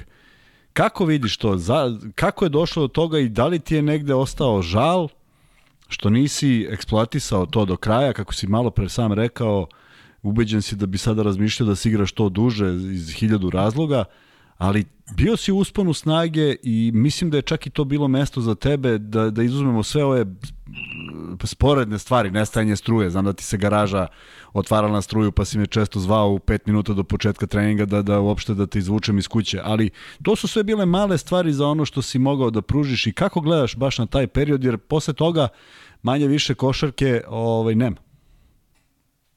Um, šta me pričaš, pitaš o, o meni? Ja sam... Ova, Pitam te zato što smo prošli mnogo toga i mnogo nam je da. bilo lepo i, i negde sam pokušavao da budem glas razuma.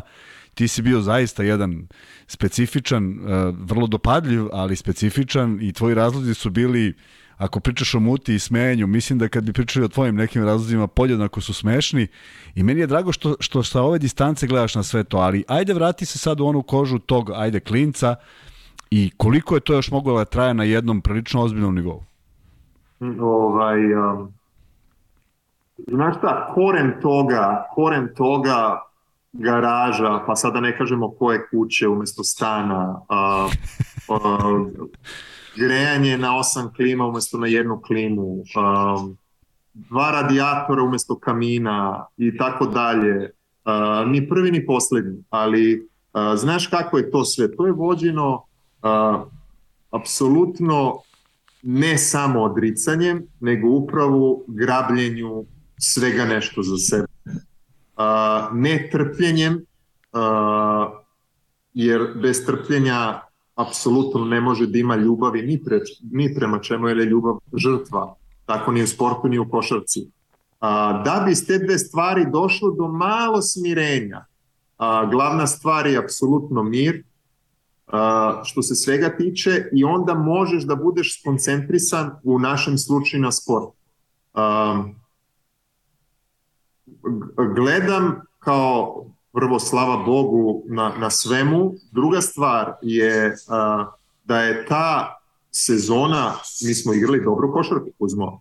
Mi smo igrali dobru košarku, mi smo imali sjajne trenere, a, mi smo imali dobru upravu, mi smo imali a, nastavak priče onome što smo pričali, a, da nastavljamo a, prethodne dve, tri sezone budućnosti koja je već bila i tekako na mapi mi smo bili verovatno slabija budućnost od one što je bila pre par godina.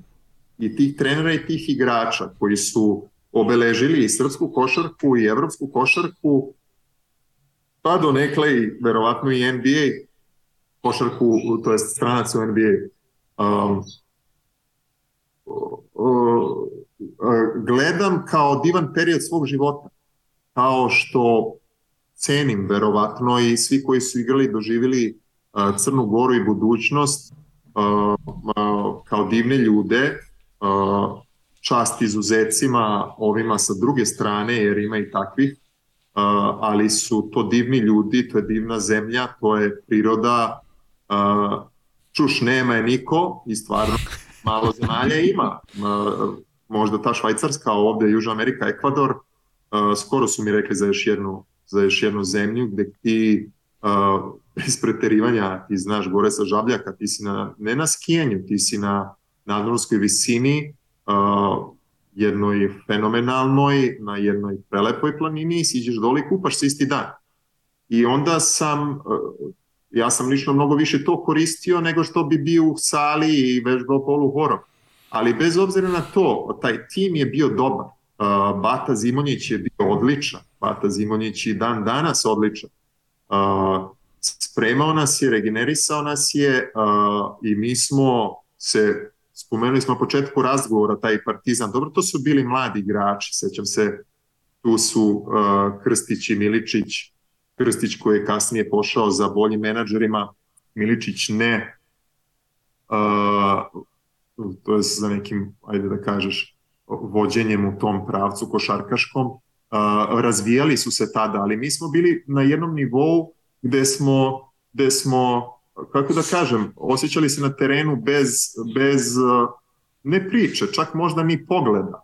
Uh, ti si znao, u stvari ti si znao s koje strane ću ja dođem u pik, a, a ja sam znao kad ćeš ti na koju stranu da kreneš u, u backdoor. Tako da nismo morali, osjećali smo se kao da smo igrali mnogo duže zajedno nego što igramo. Uh, ne znam, Rakac, uh, Smiljke, uh, Kum, uh, bio je Vulje, bio je Deo Radonjić, je tako? Jeste. Bio je o, bio je onaj veliki centar u Rusiji ili Ukrajinac. On je Okunski, Ukrajinac. Okunski, pa Crnogorac, kako se zove, Crno, ne Crnogorac, nego Hrvat, onaj centar. Činović. Činović. Pomozi mi još malo na bekovima, brate, ne mogu da... Sale Pavlović je bio tu. Sale Pavlović. Saša Pavlović. E, da. Bakić. Bakić, da. Onda kako se se zvali Bakić, dobro, to je bek, nego ona dva talentovana klinca, uh, izuzetna u to vreme, uh, nije Balša Radunović. Ne. Balša Radunović, jeste. Jeste, Balša Radunović i onaj drugi isto... Centar Sekulić, Blagot. Eto. Da. da, da, bila je strahovita ekipa.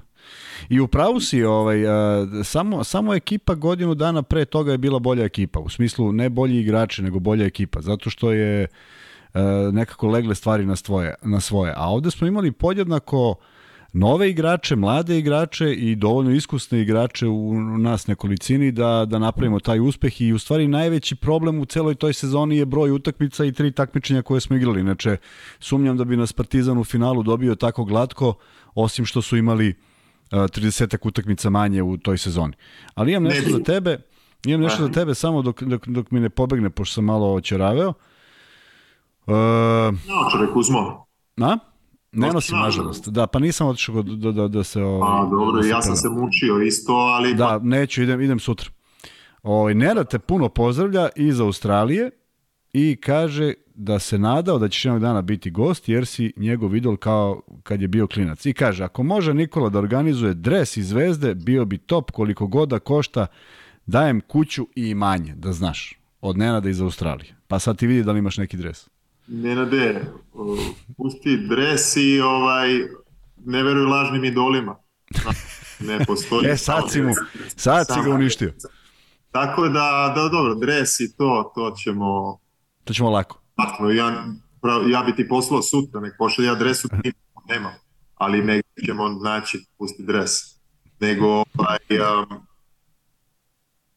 slušaj roditelji, voli košar i, i, i budi dobar, ovo ćemo ostalo lako.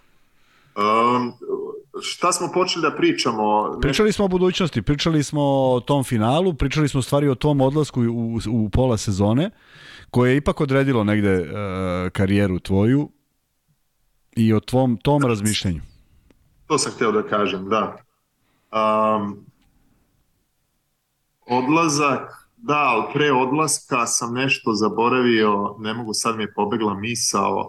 Um, da, da, da, smo, odlazak jeste, da, da to završim, pa odlazim, uh, da, na mala vrata, uh, da ne ulazim u razloge, to što nije, nije za javnost, uh, daleko od toga, pa kakav ponos, nego je to u suštini sramotno kako, kako se ostavljaju drugovi, kako se ostavlja tim u tom trenutku, da bi, ne znam da li sam to nekad pomenuo tebi, uh, posle sveta u to vreme, leto se vraćam u Beograd, i sedim u kraju, ne sjećam se više sa kim, a vi igrate finale.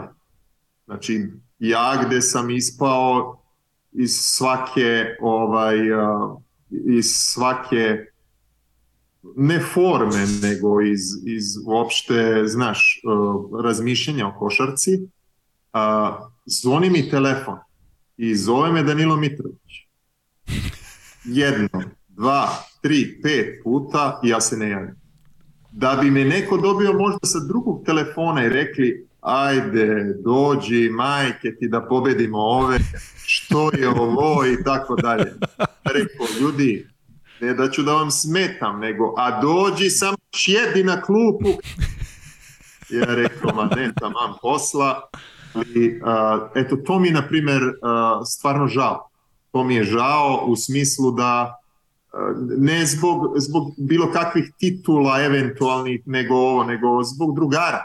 Zbog druženja i neko da tebe poštuje tako kakav si u to vreme da ti kaže dođi, sedi i tako dalje, da bi onda još jedna interesantna situacija, sad moram da kažem kakve su to naše institucije, u stvari sam zaslužan, prvenstveno sam, da bi ja trebao da dobijem ispisnicu iz te iste budućnosti odlaskom na pola sezone, o, o, ostavkom drugara i, i, i divne Podgorice, a i materijalno maltene celog ugovora. U to vreme mi nije bilo bitno, a mogo sam da pošaljem te iste pare na Kosovo, pa da izgrade tri kuće, na primjer, i za porodice, znaš, ta, takvo razmišljanje. A, ovaj, a, da, da, o, čekaj, šta sam sad hteo da... Kako je ispisnica išla? Da, ispisnica. Institucije, da. Jeste, da. I Savez, mi, ja u to vreme promenu, promenujući pa, dosta menadžera, u to vreme mi je bio i onako karijere mi je bio Rade Filipović, koji sada je, na primer, Bill Duffy i on a, su potpisali dva izuzetna igrača, izuzetna ugovora, to su a, Luka Dončić, a, Vučević i, i Dragić. To su, a, konkretno je Rade doveo bilo te igrače, a, vlada Vlajko, koga puno volim i pozdravljam, Dragutinović je to vreme počeo da im pomaže u, u, u agenciji. I uglavnom mi odlazimo po ispisnicu, tu je nešto počelo, izvesni Cerović, predsjednik a, Saveza, Crnogorac, Crnogorska linija, u ispisnicu krenulo da koči.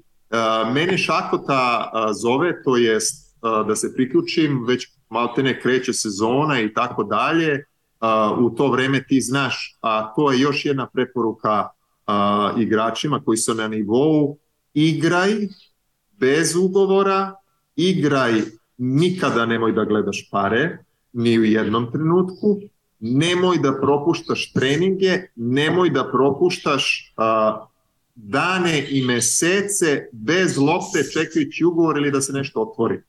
Ne samo za košarku, nego je to problem. Problem je jer to apsolutno ide sve iz ega, razmišljajući o, o sebi, razmišljajući ma šta ću ja sad ovde, gde ću ja da ja ću da sačekam, prolazi vreme i 99% problem. A, meni je tu ponudio aj ugovor, dolazimo i sad slušaj, izves mi brzi, jel se sjećaš ti brzo koji je bio da. da. i sudija, radio na sajmu Beogradskom, se sjećaš ti njega? Znam ko je, da, da. E, on, uh, on je pomagao tu nešto, ajde valjda pričamo o pravoj osobi. Uh, I ja i Vlajko sedimo, završen taj sastanak, završeni svi slučajevi i sad uh, vrata od kancelarije tu, mi sedimo bukvalno ispred vrata. I čekamo da nas prozovu i sad nas ne prozivaju. Naravno, oni znaju da smo tu u tom istom savezu gde si ti do skoro bio, jel? Ista zgrada je tad bila, uh, nova tada u to vreme izgrađena ja mislim da smo bili negde na gorim statovima, i izlazi izvesni, uh, ako, ako dobro pričam, uh, da pogleda da li smo mi tu. I ovako otvara vrata, okreće se levo, desno i ulazi nazad. I sad, prva reakcija... Pa niste levo i desno. Čekaj, samo ti kažem, ja pogledam Vlajk, što mi kao spustimo glavu, ok, to je sad će nas zovu, da bi prošlo pola sata, da bi Vlajko ušao, uh, pa kaže, pa mi smo tu, jel ste videli? O, kaže, vi ste tu. Uh, čekamo ispisnicu, ulazimo, sačekamo, ne može, budućnost povukla, što je normalno, nisam mogao da dobijem odmah ispisnicu, kasnila je šest meseci, da je meni taj ugovor u Grčkoj uh, stao na led, priključio sam se kasnije i tako dalje. Onda onda je otprilike kako si radio, tako si i, i, i ovaj, žnjao, tako da to je to. I sad sa ovog aspekta, A, z- jel, je- jesi, jesi potpuno u miru s tim, jel to sve okej? Da, mnogo zahvalan. Mnogo zahvalan jer sam, znaš, sam sam radio stvari, sam sam radio, uh, znaš, pretvorilo se, uh, pretvorilo se neku kao malu ispovest, ali to je dobro da čuju mlađe, mlađe uh, generacije, da, da uh, ima fokusa i da ima, a, a znaš šta, hvala i slava Bogu na divnim ljudima, na divnim konekcijama, na, na, na divnom periodu života, a, na divnim putovanjima, na, na obilasku bukvalno zemaljske kugle, na, na odlasku na olimpijske igre a, sa Željkom, to nismo dotakli a, Da, 2000. 2000-te, da. A, jer tamo posle karijera otišlo u, u, u zemlje isto divne, ne znam, Francusku, a, Rusiju malo, Poljsku, a, ali je u suštini onda išlo onako a, nizbrdo a, što se tiče a, klubova i što se tiče a, pozicije igre, opet dekoncentracijom i, i uopšte vođeni, vođeni, vođen pogrešnim energijama, apsolutno. A, a, a što se tiče reprezentacije, predivna ovaj, predivno iskustvo, predivni, predivni odnosi, jaka reprezentacija, ne znam koliko se sećaš tad je a, Meč pokazao u stvari koliki je bio igrač izbacivši naš a, direktno nekom plasmanu, mislim da je bilo da li finale, a, pa smo onda otišli za peto mesto, mislim, sa Italijom, bukvalno nas je sam dobio. A, Posljednji koš u posljednji koš u, u posljednjoj sekundi.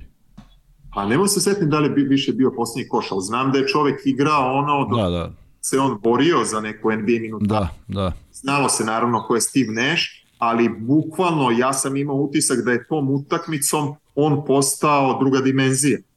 On je, znaš, postao sad kad smo kasnije pričali Jason Kidd i Steve Nash u to vreme. To je bilo... A, nisam te čuo za koga sam mislio. Ja sam mislio da pričaš o Ginobiliju i nestao mi je ton, pa sam mislio na njega. Da Ne, ne, uh, Aha, ovaj Steve Nash. Nash, Steve Nash reprezentacija uh, reprezentacija ovaj olimpijada. Da, da, da. kad nas je izbacio da za, za peto mesto. Ovaj, um, na šta? Uh, ajde ti malo, ajde šta, šta, Ajde malo da vidim Vanja, da li ima neko pitanje možda? ajde.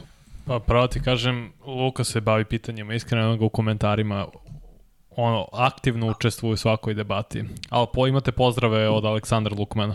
A evo ga, Lukman gleda. Da, Lukman je rekao da gleda sve, tako da verujem da mu je drago da te vidi ovde i pozdrav za Lukmana.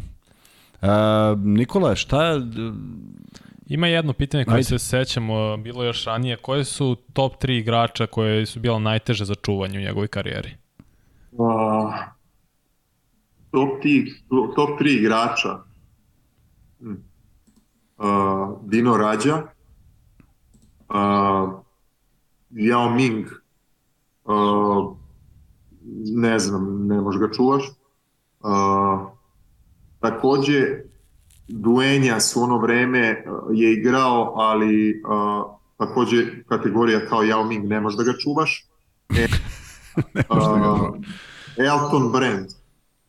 Elton Brand, uh, Clippers četvorka, uh, to je već prešli, prešli smo ovaj uh, prošli smo tri. Uh, Smodiš izuzetan. Znaš šta, spomenuo bi možda uh, top, top tri igrača koji su ostali isti uh, kakvi su bili juniorskim danima, a to su da ih nije uopšte promenilo ceo taj život i ceo ta slava.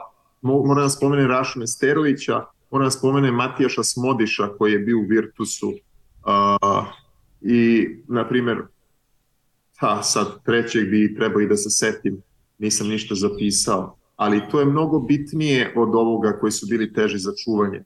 Uh, s, sa druge strane, košarkaški i ovaj i sportski uh, ti kad si spreman ti nemaš barem kad, kad napreduješ ti nemaš problem ni sa kim u smislu tog nekog čuvanja ajde da kažeš ti kad prelomiš sa sobom uh, da ti ovaj uh, možeš da dobiješ i batine i da treba da dobiješ i lakat u zube i da je sve to normalno, onda ti nemaš problem čuvanja nikoga, ali je tu, uh, kako da kažem, dole centarskim pozicijama sad se košarka mnogo promenila i sada je postala jako brža, praktično drugi sport. Ovde je u Americi pogotovo i tu se promenila, uh, ovde pratim uh, taj NCAA koji uvek i bio drugi sport, ali hoću da kažem da tad je još bilo centari, tad je još bilo neke unutrašnje igre i borbe uh, na gladijatorskom nivou. I onda ovaj kažem kad si u treningu eto i Kuzma zna, on je igrao dobro odbranu kad si u treningu ti nemaš problem, znaš, stvarno ni sa kim, naravno može neko da te nadigra i tako dalje, to je sasvim opravdano i realno, ali što se tiče svojih mogućnosti, samo je pitanje najveće, najveća rečenica od svega je što se tiče i sporta, a i života je da li ćeš dati sve od sebe. I tu bukvalno sve staje. Tu staje sve ono zbog čega se trudiš, zbog čega igraš i da li treniraš i da li ne treniraš, da li ćeš dati sve od sebe. Da li je veliki tim, da li je mali tim, ti moraš da daš, ti si usmeren za to, ti si na kraju krajeva i plaćen da daš sve od sebe. Znaš šta, mnogo ti hvala na ovom sad posljednjem iz prostog razloga što negde kroz, kroz prenose koje radim ja uvek pričam isključivo o tome da navijača ne može da prevari neko ko ne daje ili daje sve od sebe i da kada pričaju ljudi o, o, o, o talentu, o uh, šansama nekog igrača da uspe, uh, ajde, mnogo si toga otvorio.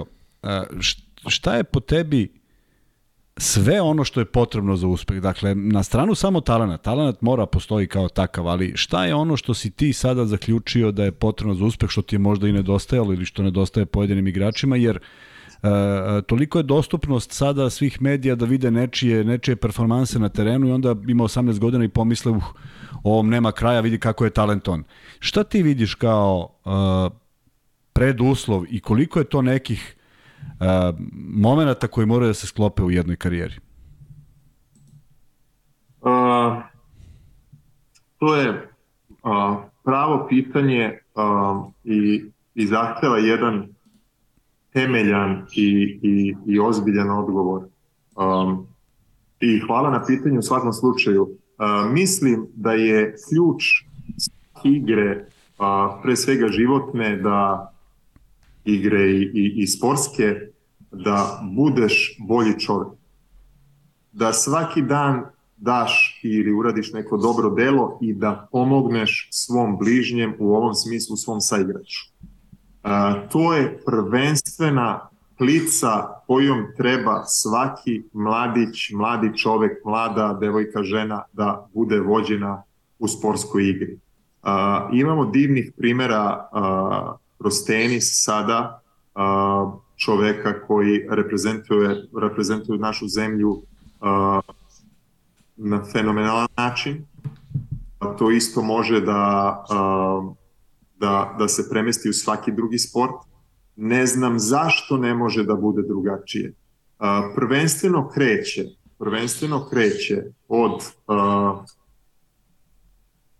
ajde da kažemo od kućnog vaspitanja, jer kućno vaspitanje uh, pokazuje i dokazuje svima da naša deca i mi smo nečija deca reprezentujemo svoje ljud, roditelje u, u, u svakom svetu pa ti ne možeš onda da se postaviš drugačije nego kako su ti tvoji roditelji vaspitali bez obzira na koji sistem su rasli. Uh, prvenstveno moraš uh, da imaš veru u Boga jer tu uh, to je beskompromisno i to je vodilja od kad postoji srpski narod.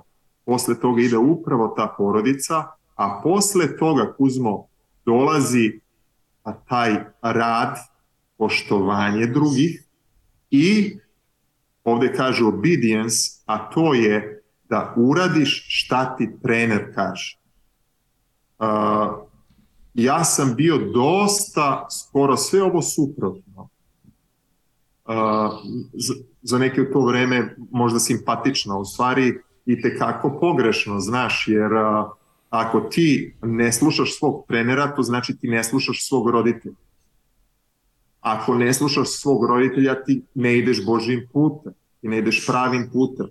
A, tako da vuče jedno drugo. Da bi se to sklopilo, ti moraš da imaš zahvalnost i ako treniraš u praznom bazenu i ako treniraš u, u ne znam, prvoj proletarsku u to vreme bez prozora i bez grejanja sa kaloriferom pola od četiri da radi i u Morači u ono vreme što garaža se otvarala ili nismo imali prozore pa smo se zagrevali, kaže ti kako smo se zagrevali Bilo je strašno hladno. Kad sever dune kroz one prozore, bilo je nenormalno. Nije, znaš koje se sećam situacije? Sećam se situacije da dolazi, na primjer, Fortitudo da igra u Podgorici i sad poznavali smo se, spomenuli smo Bolonju, naš isti ono, da. uglavnom isti tim, od prošle, sam ja došao iz Italije tada u Podgoricu i dolaze i oni izlaze ovako iz onog tunela ili ovo i vrati nazad.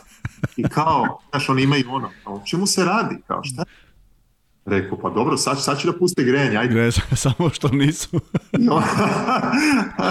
onda su oni otišli nazad, kao što je i nekolicina nas imala zimske jakne, bukvalno kao da treniramo futbol, znaš, i sad, ajde, i, i to hvala Bogu da je bilo tako da smo mogli da igramo i da pokazujemo nekoj deci kako se igra, nego ti nisi mogu ono, ono naš ruke nisi mogu. Da, da zagreješ nikako. A, ono, a lopte, nose rukavice i tako lopte da. otekle onako od hladnoće, veće nego što jesu. Pazi, to je, a, to je upravo to poštovanje, da ti i tada treba i moraš da daš sve od sebe i da ostaneš u jednom kontinuitetu razmišljajući šta? Da si ti upravo tom dečku iz Australije ili nekome, sad ne znam koji uopšte pisao i koliko ima godina, a, ne idol, ne, ne postoje te vrste idoli, nego uzor u odrastanju u sportskom smislu. I onda a, kroz nesretne medije koji vode a, ceo svet, koji kreću odavde i koji dosta ljudi gleda ove medije odavde koje vedre i oblače, a, a ne pola, nego 80 i 90% uh, su lažni i, i promovišu lažne stvari, uh, uh, ti onda i to malo nešto, mislim, što sam negde ovaj sam sebi mogu da kažem da hvala Bogu da nisam više govorio s mediji, jer bi možda neko, znaš, zalutao pored svega toga lepog, jer ja sad hoću i želim, pričamo o lepom i ome sve što je bilo i divnih, to su godine čovječe, to su, to su 10-15 godina gde smo se mi družili, igrali kako tako, negde smo ostavljali utisak i tim mlađim, da on, taj mlađi ne pomisli da možda tako treba, da možda treba garaža, da možda treba da kreneš 5 minuta pred trening, da možda treba da zakasniš na trening, da ne treba da dođeš ranije da se istegneš i tako dalje. Tako da to nije, nije ovaj put, put je znate koji, poštovanje, zahvalnost, slušanje od malena i pokazivanje svojim primerom, samo primerom bez priče drugome kako to može da izgleda. A to je da smo mi uh, stvarno Bogom nadahnut narod za košarku, ne znam čime smo to zaslužili, možemo da pričamo o košarci, a Boga mi i o drugim sportovima, uh, jer pravimo razliku i pravili smo razliku, a to će nadam se pokazati ovi momci kod Karija koji se, koji se vratio, uh, koji je jedan divan trener, koji je još divniji čovek i koji je, uh, radi prave stvari i uh, svako ko uh, pre, uh, krene da kaže nešto uh, protiv stručnog štaba konkretno i u ovom slučaju on greši. Greši, ugrizite se za jezik, debelo razmislite, Uh, pogledajte konkretno uh, šta je čovek i kako je čovek uradio. Na kraju krajeva i svi naši treneri možemo mi samo da budemo nevaspitani ili još više nevaspitani, možemo da damo sebi za pravo jer je čovek izabran i on je tu uh, da i, i, i odriče se na kraju krajeva porodice. Pričao je o neku u vašoj emisiji, kaže nisam video leta, tako je bilo koji su uh, porodice nisu videli oca ili sina pa po, po de, 10, 10 leta, 20 leta nisu videli. Znači on se odriče da bi se žrtvovao za svoju zemlju. to je izvesna doza žrtve, a šta je žrtva? Pa žrtva je ljubav. Samo jedna reč.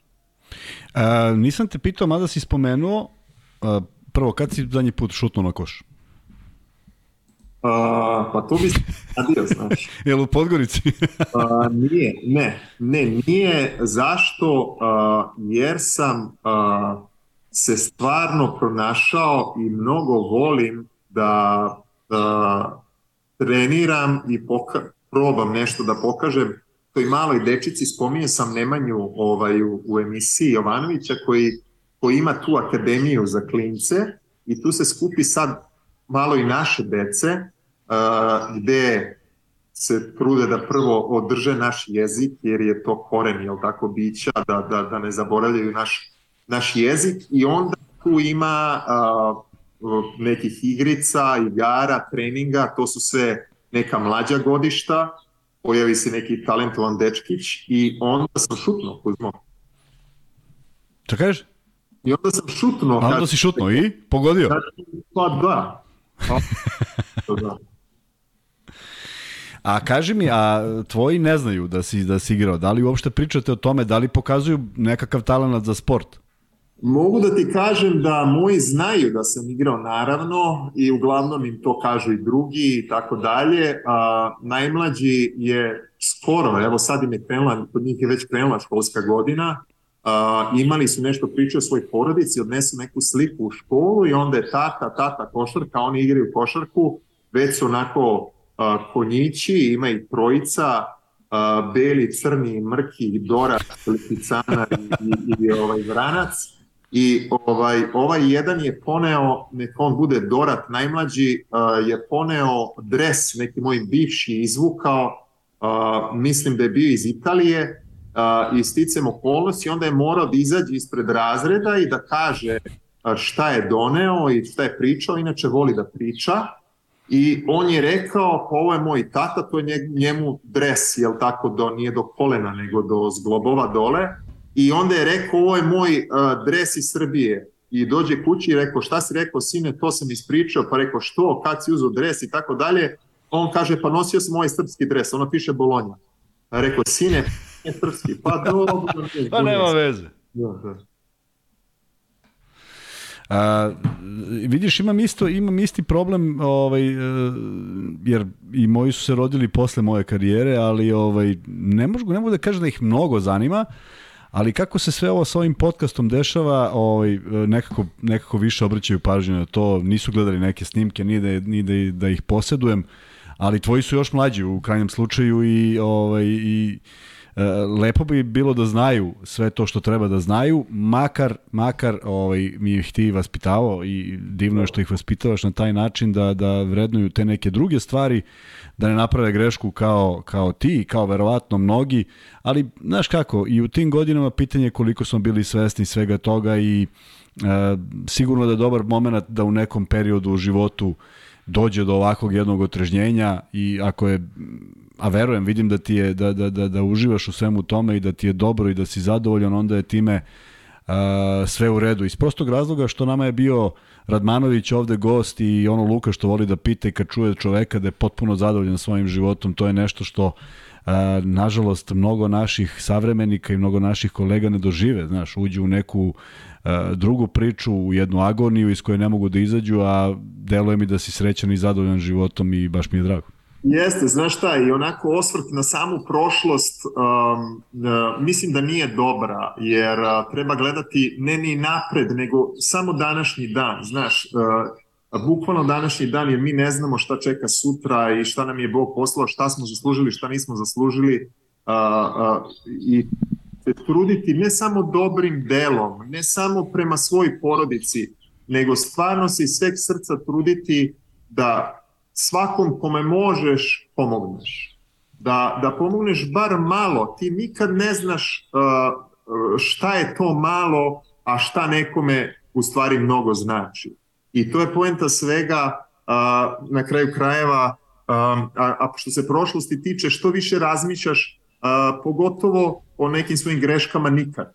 Nikad, jer te tu čeka ona, ona druga strana i, on, i onaj malo mrak treba izaći iz toga, treba biti zahvalan, nositi svoj, svoj, svoj krst i svoje breme i kažem gurati pozitivu i gurati osmeh znaš i gde god da si nama je sad izuzetno teško što pre svega naša deca porastaju van zemlje i ne mogu da, da dele mnogo nekih lepih trenutaka sa vršnjacima. Evo konkretno primer ovde svuda manje više ti moraš da budeš, ideš sa decom, znaš, jer ne možeš da ih ostavljaš. Mislim i u Beogradu, ajde, manje više ne možeš kao što je bilo, ali ti možeš da ga pustiš kao idem napolje, idem napolje. Ovde ti stalno si u nekom polu oprezu i to onako pritiska, znaš, ali to je, to je neka stvar ako smem uopšte na bilo šta da se poželim, a, a ne želim da ne želim da to tako zvuči, jer stvarno smo zahvalni što smo dobili neku šansu što možda drugi ljudi nisu dobili, ne znam čime smo je zaslužili stvarno i mislim da nismo dostojni, tu smo dobili neke šanse, ali a, hvala Bogu na našoj deci Kuzmo i na ovaj a, to je to je nešto što svaki dan a, donosi a, svetlost i vedrinu i toplinu, možda čak a, a, nismo a, skroz svesni koliko je to bogatstvo i koliko je to sunce, znaš, i sećam se a, posjetit ćeš me ti pre par godina čoveče koliko ima kad si mi slao a, Kostu kako je vozio onaj dvotočkaš kako se... da bez, bez pedala da bez pedala i Ram bike onaj neki kviz i ono Sećam se... A, hoverboard kad je gostovao u kvizu, aha, kada je brojao, da. brojao, da, da, kad je brojao domin. Kažem da mi onako bilo puno srce tada i, i znaš šta smo sve prošli, koliko smo se borili za njih, Uh, i onda, naš, vidiš tako nešto. Dobar da... osjećaj. A, da. ali vidi, sad ovo sve što si pričao, to ti nije došlo preko noći. Dakle, nisi ti neko ko nije zagrebao tu mračnu stranu. A idemo sad u tom smeru van košarke. Dakle, morao si da se da se pozabaviš time. Tako je, znaš, apsolutno. Pa pazi, ja sam ja sam volio da se tetoviram, pa sam jednom trenutku stavio i te neke mračne likove na svoje telo, znaš, dot, dotle to išlo. I onda je a, u mom slučaju neverovatno, ali to, znaš, dosta naših ljudi, čak i svetaca koji su nama apsolutni primer našeg naroda je trebalo da se izmesti iz matice, da u stvari pogledaš u kakvom si konkretno ja vrtlogu živeo i šta je tebe vodilo, šta je tebe pokretalo i kakav si ti primer davao drugima. A, to se nama desilo, to jest meni konkretno a, u Americi. Prosto neverovatno, ali tako je, gde sam, znaš, se stvarno probudio, gde sam se stvarno pokajao za, za, a, za a, dosta stvari, što kaže onaj pokajani razbojnik, znaš, ali a, slava Bogu i mislim da a, mislim da tek sada mogu da pogledam uh, stvari barem malo nekim pravim očima i, i, i kroz neki mir i, i mnogo bi više voleo da, da sam na svom kontinentu i da ovo pričamo ja i ti uh, uživo. u nekoj gde god uh, klupi u parku uh, ovaj ali ali je tako ali je tako i ovaj znaš šta uh, ta košarka koja nas spaja uh, div, divna, divna jedna emisija, prvo, znaš, mi smo pričali o tome, drugačija emisija, taj podcast postoji ovde IHH u Evropi, ja se sećam kad sam kad smo bili igrali u Grčkoj, tada su imali neke podcastove i oni su jako bili gledani. Ja ne znam kako to kod nas pre nije zaživelo. I onda je taj čovek uh, koji je čak u nekom motosportu ili, ili u formulama, ne mogu da se setim, uh, pokrenuo jer neki studio i tako dalje, okrenuo je I, I to ljude privlači zašto? Jer ja, evo sad, ajde da se vratimo kao malo na uopšte na, na, na gledanje, jer mi stvarno ne gledamo televizor. Ne da malo gledamo, nego ne gledamo. Pogledamo malo neku YouTube emisiju, uh, gleda, trudimo se da što manje telefone, baš sam i razmišljanja da onaj telefon uzmemo onaj na preklop, pošto smo nekad imali, jer i ono, pošalji mi video slike zamara, znaš, odločiti pažnju sa neke dobre knjige ili pravih stvari, ali i ti uopšte, ne znam, iPadovi i kako već se zovu i tako dalje. Um, hoću da kažem da um, prave stvari su u malom. Prave stvari su u malom u razgovoru. Mi smo zaboravili čoveče, to mi nedostaje. To mi nedostaje, a to pokazuje taj podcast, vratit ću se, nedostaje mi da, ja, da ti i ja sednemo i da pričamo čoveče. Jer ja kad pogledam i mi kad pogledamo ovaj, izgubili smo priču čoveče. A šta je prvo nastalo? Pa nastala je ta priča, logos, nastala je nastala je ta komunikacija. Ljudi su prvo pričali, prvo su stvoreni da bi pričali. Sad, ti se okreneš, to mi je tu smetalo isto. Da ti više, znaš ono, zvoniti komšija, ti gledaš u ključonicu, nećeš da otvoriš. Na šta to liči? Ili kao, ne znam, neko je došao, prošao, stao ti na mesto, uh, ne možeš da mu kažeš, nego kreneš, uh, znaš, kreneš da vrištiš bez trpljenja, bez ovoga, na što to liči, koji su to primjeri. I onda smo, znaš, gledamo kako generacije odrastaju gore nego što smo mi odrastali, a znamo kako smo odrastali 90-ih i sad mi kaže drugar koji živi na Banom brdu, osnovna škola. Da je još gore. Josip Pančić, pazi, mi smo uzimali dnevnike, pa smo prepravljali ocene, pa smo se drali na učiteljice, pa smo se drali na trenere, pa smo svašta ne. To nisu primjeri. A sad deca, kaže, uzeli su uh, klupu i izbacili sa drugog, trećeg sprata kroz prozor, sedmi, osmi razred. Čekaj. Znaš, i onda ti sad uh, moramo da menjamo taj koren i u sportu takođe. I u sportu, šta se sad mi bavimo, ko je šta rekao, zbog čega je Teodosić uh, otišao, izašao, uh, bio zamenjen, jer možda ima boljih, pa hvala njemu i hvala tom treneru, jer je obradovo naš naj, narod kad mu je najviše trebao.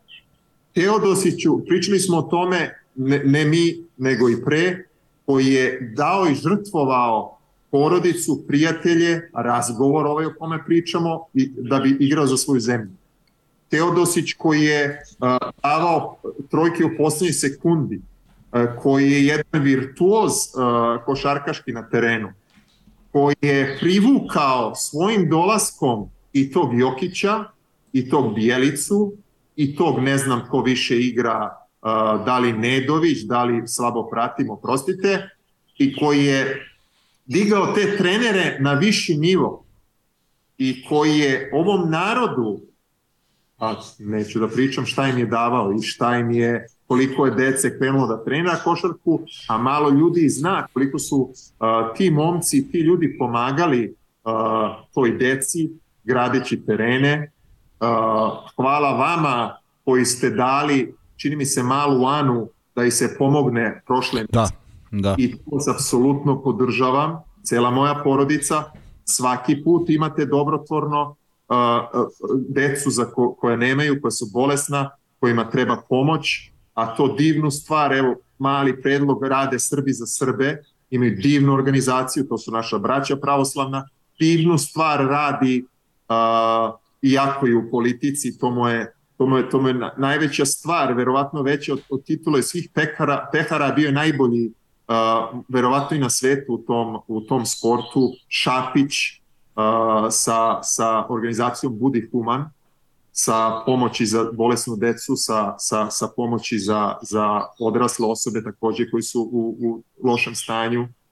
I onda je podcast na kome mi pričamo, pokajeni razbojnici, i jasovi, a neki pravi jasovi ovaj, a, donosimo, to jest vi donosite, Luka koji je na moru, eto vidiš, nekoj maloj teretani smo radili zajedno, a, ovaj, i ti Kuzmice nikad ne bi rekao, pisao sam ti pre, vidi ja i ti se kao nalazimo na medijima, kao mi, ja i ti pričamo na medijima, pa mi koji smo izlazili na klonicu izbjegnemo bilo kakvi Tako je. sad kao mi nešto pričamo ali u svakom slučaju taj podcast je nešto drugačije i taj podcast je, a, na što sam htio da kažem, nema bre reklama čoveče. Ja hoću da pogledam, a, imate onaj vaš nešto što kažete, dva, tri pitanja, ali nema, ja hoću da pogledam neki direktan prenos sada sa decom, malo i gledam, ali evo, hoću ovde da pogledam. Ima je stvarno, ima istine kad se kaže da smo izašli iz, iz evropskih zbivanja i evropske lige, mnogo više se okrećemo Americi i, i njihovim ligama, tako dalje. Nažalost, verovatno i neminovno, hoću da pogledam direktan prenos. Ovde ne možeš da ga pogledaš. Tamo kod nas takođe ne možeš da ga pogledaš. Pusti malo, ne znam, pogledam Zvezda Euroligu, uh, da poslušam ovog druga vladu sa divnim komentarima i svake godine sve stručnim. Ovaj, on meni pušta Mozart bet, Meridian bet, pazi, to nisu više ni reklame o srpskom izvoru, o srpskoj vodi, o srpskom manastiru, o knjizi, nego Burazeru sve o grehu. Sve o klađenju, o prostituciji, o potenciji, o samo još to ne krenu da psuju, ja ne znam šta. A ovde takođe, a, super junaci, a, demonske sile, a, sto vakcina da biste bili zdravi i tako dalje i tako dalje. Tako da, hvala vam, želim da nastavite i da istrete, verovatno nije lako, znam da nije lako, Uh, e, sad odmah, odmah da ti odgovorim da li lako. Dakle, volim da volim da, da, da meni je fantastično što ovo sve spontano ide zato što ovaj ljudi koji nas prate već mesecima znaju da mi ništa ne spremamo i takođe znaju da sad nemamo nikakav dogovor ni sa našim gostima i ovo sve ide onako izvorno, ali mi je drago što pogađaš jednu jednu jednu fantastičnu ovaj gađaš u centar onoga što su nam mnogi ljudi rekli, a to je ovo što si rekao za razgovor. Dakle, E, par njih, Sale Rakić, kojeg često spominjemo, on ima jedan izraz i kaže ovo je kao da sam upao u kafanu da sede neki košarkaši i pričaju o košarci, a ja sedim za susednim stolom i bacio sam uvo da čujem malo šta pričaju. I meni je toliko drago što si u, ovo, u ovaj podcast uneo jednu potpuno novu dimenziju. Ja mislim da niko ko je očekivao ovaj podcast, a bilo je zaista fantastičnih reakcija kada sam objavio da si gost, čekaj ti pokažem koju sam sliku stavio, to je vrlo važno. Ne hvali, brate, ne hvali, nije dobro da hvališ. Nemoj da hvalim, ne hvalim, nego samo ti pokažem sliku. Vidio, ne znam od kad je. Znaš da si ovo ti? A, e. Sjećam se i kad je bilo neš, neka Euroliga zvezda, bio Eto. sam i otišao sam, ne znam, sporadično na, u pionir i onda sto ljudi i nekom sam se okrenuo da se javim i eto, čika fotograf, iskusan. Ne znam. Evo, samo ti kažem da mi je sad pisao Nemanja Jovanović napisao wow ispod tvoje slike, tako da verovatno je taj tvoj prijatelj Nemanja Jovanović. Uzmi se, čekaj, mislim da mi je čerka ostavila rernu, a otišla iz kuće, mogu da vidim, zapalit će nam se kuća. Hajde, hajde. E, onda imamo prilike za free bet. uh, Vanja, moramo da smislimo neka pitanja. Ti si zadremao tamo dobro. Ajde, ja ću probati. Ajde ovako. Uh, Prvi free bet, koje sezone je Nikola Estrativić osvojio Euroligu? Jedan jedini put sa Virtusom, pa pogledajte svi koji ste pratili. A mi ćemo sačekati Nikolu da se vrati. Ja, pre nego što se Nikola vrati, ja se nadam da zaista imate prilike da čujete nešto što se redko sluša. Prvo, jedan vrlo iskren pristup svemu o, post karijere e, jednog izuzetnog momka, znam da ne voli da ga hvalim i koristim dok nije tu, e, izuzetan talenat, izuzetan potencijal, izuzetno duhovit, izuzetno pametan i jedino što je nedostajalo je ono sve što vam je pričao, a to u stvari nije jedino i nije malo i otuda negde za sve one mlađe koji žele da se bave košarkom da poslušaju ove savete, zato što mislim da su čak i iznad saveta koje Luka i ja obično dajemo sa našim gostima, Mislim da je m, ovim savetima Nikola otišao jedan korak dalje i meni je zaista zadovoljstvo da ga slušam. Sad ne znam da li se vratio Vanja. Ima nije, tamo, nije, nije još. Ko je tačan uvek... odgovor? Pa ne znam. Marko Topalović 2001. A onda je Marko u pravu, Marko pa ne, zna sve. Pitati. Marko Topalović 2001. Čekaj sad Marko, Ajde. pa jeste, ja mislim da jeste 2001. Ajde pa da krenem dalje. Vožd 87 kaže 2000. Čekaj, čekaj da imamo. Uh, kaže ovako, kaže, uh, u Kinderu sa, u sezoni 2000-2001, dakle 2001. osvojio. Tako, evo, Marko Topalović, eto. Marko Topalović nek pošalje. se javi. Ako neće Marko, sledeći koji pogodio je Stevan Stanković. Ako neće mamo, kako neće Marko? Marko ako, uvek slučajno da, neće. Dobro, Stevan Marković. Ok. A, ajmo sad neko drugo pitanje, na primjer, da vidimo Nek nabroje pet timova za koje je igrao Nikola. Može. Pet timova za koje je igrao Nikola Estrativić.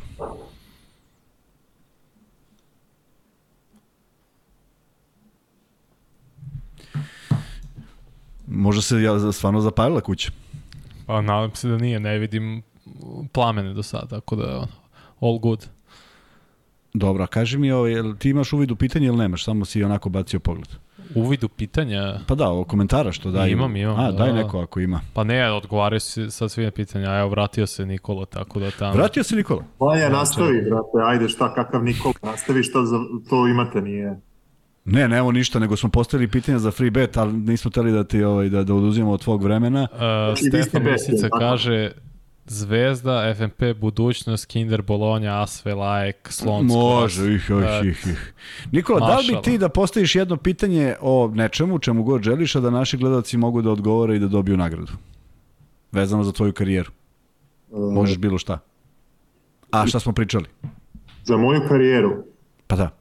A to ćeš ti, neću ja sad. Ja sam postavio pitanje kad si bio prvak, odgovorili su, u kojim si timu igrao, hoćeš nešto gde, kad si počeo, koje godine si počeo, hoćeš nešto što si nabrojao. Setio sam, setio sam se. Ko je, um, ko je um, neću kažem najveći, ali uh, ko je čovek koji je uh, ostavio najviše traga u košarkaškoj igri uh, sa kojim sam i ja nastupao?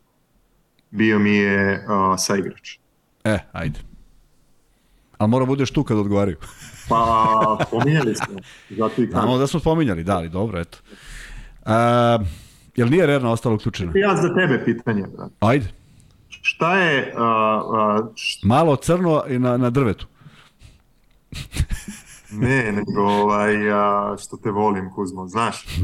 Znam. Ali, a, ne, nego a, šta je tebi, ne možeš da kažeš najviši utisak ili a, kako ti pamtiš svoju karijeru u, u par nekih crta, a, šta bi ispričao svoj deci a, da te vezuje i, i kakav, a, kakav put bi oni trebali da imaju i primer uopšte vezano za život, ne samo za sport.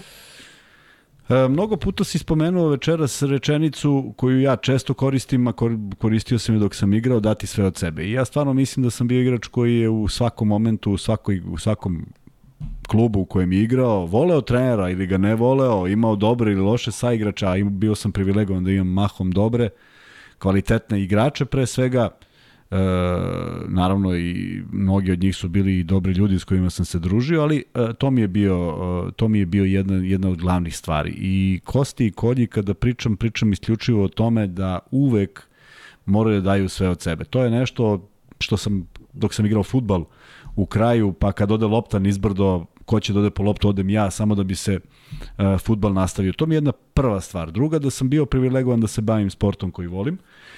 A treća stvar na koju sam ponosan, uh, uh, ma kako ti sad gledao na slavu ili ne, ne mislim na slavu i nikad nisam ni mislio da sam nešto slavan ili da sam medijska ličnost, čak ni ovo kad radim ne doživljavam to nešto specijalno uh, na taj način, ali sam vrlo ponosan na učinjeno s obzirom da sam u tih 15 godina karijere od futbalera postao uh, neko ko, ko ovaj, je ostvario sebe kroz sport koji je zavoleo, koji je bio onako potpuno slučajno naleteo u njegovom životu i e, e, zaista sam ponosan na taj deo da, da, da samo iz, iz, iz perspektive da sve može da se uradi. Dakle, ako nešto voliš i ako si u nečemu uporan, možeš da uradiš, jer najviše što misle, naj, najmanje što mislim je da sam bio najtalentovaniji, najuporniji, najlepši, najviši, najsnažniji, nisam bio ništa od toga, ali sam imao sve te neke e, stvari o kojima si ovaj, mnogo pričao o, danas,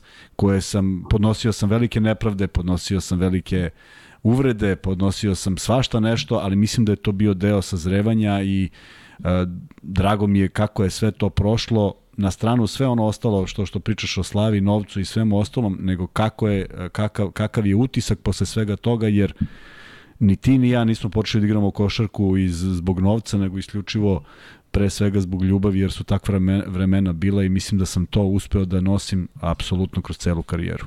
Mislim da si zadovoljan sada, mogu ja i dalje. Ali ti si naš A, gost. Par, ovaj, a, par stvari onako interesantnih koje mogu da ispričam. A, kad smo dolazili u budućnost, a, nisam znao ovaj, Vladimira Kuzmanovića i upoznaje nas Aleksandar Smiljenić, Partizanovo dete, i kaže, ovo je Kuzma Nirvana. Ja sad, znaš, ono, bum, Nirvana, ja rekao, dobro, to je sigurno mir, nešto ono vezano Indija, Goa i to. Ovaj, ne, upravo Seattle, Washington i Nirvana i rock and roll, inače Kuzma je uh, veći deo karijere voleo i nosio Texas jaknu. Znači. Imam još uvijek. Sino, eto, sinonim i alternativa uh, drugačijeg, ajde tako nešto, nekog blagog buntovništa i, i odrastanje uz rock and roll gde smo mi porastali i uz Ekatarinu i uz uh, ne znam i Oktobar i ovo, ali u suštini pogrešno, pogreš, pogreš, pogrešan pravac i tu, uh, jer ima mnogo lepših i tema i zdravijih na kraju krajeva, ovaj, ali, ali naše vreme, da naše vreme, onda još jedna divna priča, sećam se uh, tada dvočlana porodica, sedimo, pričamo, družimo se, mislim da je bio još neko i sad cenim da nisi ti spomenuo da ti je a, ženšćina spomenula, kaže, e, a ne znaš ti kad se krio ispod te iste bube i čekao me, na primjer, u Vojvode brane, da dođem pa on iskočio ispod bube. Pa, ajde ispričaj, ajde, ajde. e, pa to, pa ti si gost ovde, kad budeš pravio podcast, ja ću kod tebe. Da, da. Tako da je uh, on, uh, OKK Beograd, na sličnom na sličnoj kako da kažem širini geografskoj kao i Ofka Beograd a oni se zovu romantičari romantičari iz Karaburme romantičari iz Karaburme i to je onako divno, to su lepe stvari, to su divni timovi, klubovi i ljudi koji su ovaj počinjali tamo. Sećam se početak priče uh, s ujakom odlazim i kaže ta isti Čiča a, kod tog savet a, trenera, on je ovaj a, digao mnoge generacije u, ovaj, na, na terenu i kaže tad je bio tad je bio prvi tim i to jaki prvi tim. Ti se sećaš tih igrača, tu je Kako ne? Došlo Zorkić, naš ko igrao, igrao je Simenda, igrao je Mile Simenić je posle nama bio trening, trener, on je igrao tada još za OKH Beograd. Tako je. Buda Marojević, Pa je bio Aleksa Milošević, Vlada Jokanović, Lazi, Lazović, Andrija. O, da. Bilo je to strašno dobra ekipa. O da, i izvesni neki je tada bio, uvek je bilo tako neki interesantni. Izvesni, mislim da je bio prezime Karaman. Zašto sam zapamtio? Zato što je specifično. I onda su putovali, igrali, to su sad manje lige i završavalo se na nekim već posle utakmice i svašta nešto. I kaže, da li ti znaš, a, Čiča onako naš klima glavom, znači, kaže, Karman pojao celo prase. Ma rekao, daj čovječe. Kaže, celo prase, kaže, i repić i ovo i ono, tako da to su neke, znaš, nevezano za prejedanje, ali romantičarska vremena. Romantičarska, da, da. Klo, ali mada su oni bili klonferi, znaš, i onda dugo nismo znali šta to znači, ali ovaj, e, ostalo je tako klonferi naziv, naziv, međutim sve manje tih ljudi ima nažal, na, na, na svu sreću još po koji svedok iz tog vremena e, sretnem ih tu i tamo, ljudi iz, iz perioda kad sam ja bio u OKH Beogradu, ali u pravu si, to je, to je kako god sagledamo jedno, jedno divno vreme i jedno mnogo bezbrižnije odrastanje u kojem smo imali zaista mnogo sreće da se bavimo sportom koji e, pokušavam da objasnim mlađim generacijama. E, kada se pojaviš na treningu i dođe trener i čukne te po ramenu i kaže ideš kući, ne ideš da se žališ nikome. ne, ne, da. možeš da, ne može da dođe otac da razgovara s nekim iz kluba, nego jednostavno završio si svoju epizodu u tom klubu. Tako je, znaš, znaš šta mi isto prolazi kroz glavu, a to je uh, apsolutno davanja sve od sebe, možda bi dodao i po, pomoć pomoć, pomoć jel tako, svom, uh, svom, svom treneru, svom na kraju krajeva bližnjem, jel tako, i dodao bi uh, da prvenstveno moraš da osjećaš i da voliš. A, I mi smo je voleli neko manje ili neko više, gospođu Košarku, znaš šta mi prolazi? Prolazi mi onaj, a, kad pričamo o njoj, a, prolazi mi divni onaj filmić a, koji je toliko snažan utisak ostavio po svetu a, a, Kobija Bryanta, da li je morao, da li je dobio, da li je zaslužio, ne ulazim u to uopšte te, tu nagradu filmsku i te iste kuće koju lično ne cenim njihov uticaj, ali divan taj onaj crtani, onaj filmić dokumentarni, to jest pravljen iz, iz crteža košarka. I ne znam da li si ga pogledao. Nisam, nisam gledao. O, to, to ću ti pošaljem, moraš da pogledaš. Znači, bukvalno no, retrospektiva od kad je on bio mali i kako su oni putovali i išli sa ocem, on je igrao svuda i u Evropi i u Japanu, kasnije je ostao u Japanu, i kako je on odrastao po terenima. To isto sada uh, imamo uh, primer Stefa Karija, koji isto tako porastao. Da, da, da, ima, te slike su dostupnije, da, vidi se kad je bio klinac. su odrastali po slačionicama i na terenima sa saigračima, sa ljudima, sa ljudima iz košarke, sa ljudima koji su stalno u hali, moramo i njih da spomenemo, pa su tu izvesni Bane Diagnoza iz Pionira, pa je tu izvesni Šmeter iz Novog Sada, pa je tu izvesni Peca iz, iz Šumica. To su ljudi, to je košarka. To, To je bila košarka, tako je. to je Bez njih nije bilo, bez njih i nije moglo se zamisli. A nije Nijednu moglo, utakmicu. nije moglo. I ja sam voleo uvek da stanem sa njima, ne ja, ružno zvuči ja, nego da stanemo sa njima, a, da, da razmenimo i da kažemo, to su čovječe dobri savjeti bili. To su savjeti bili čisti iz srca, a, bez ikakve doze bilo čega, to je fenomenalno bilo. A, na, Da, da, kad daju, kad daju obzervaciju šta treba se igra, pa naravno. Pazi, ne samo što treba se igra, nego kad ga sretneš jedan na jedan, ja kad stanem sa Banetom, jedan na jedan, pa kad mi on kaže on još igrao košarku, e, Niđo, da te pitam, pa ovo, pa što ovo nisi, ne znam, tu si mogao, nisi vidio u dvojicu te, na primjer, ja čo, čekaj be Bane, o čemu se radi, i tako dalje. Ovaj, košarka, hobija, puštam ti, pratio oca, crtani, kako je savijao, slušaj ovo, kako je čarape savijao, ono dve u jedan, i kako imao mali improvizovan koš na vratima i kako je Da ubaci. To prvi koš ubacio i tako dalje i tako dalje.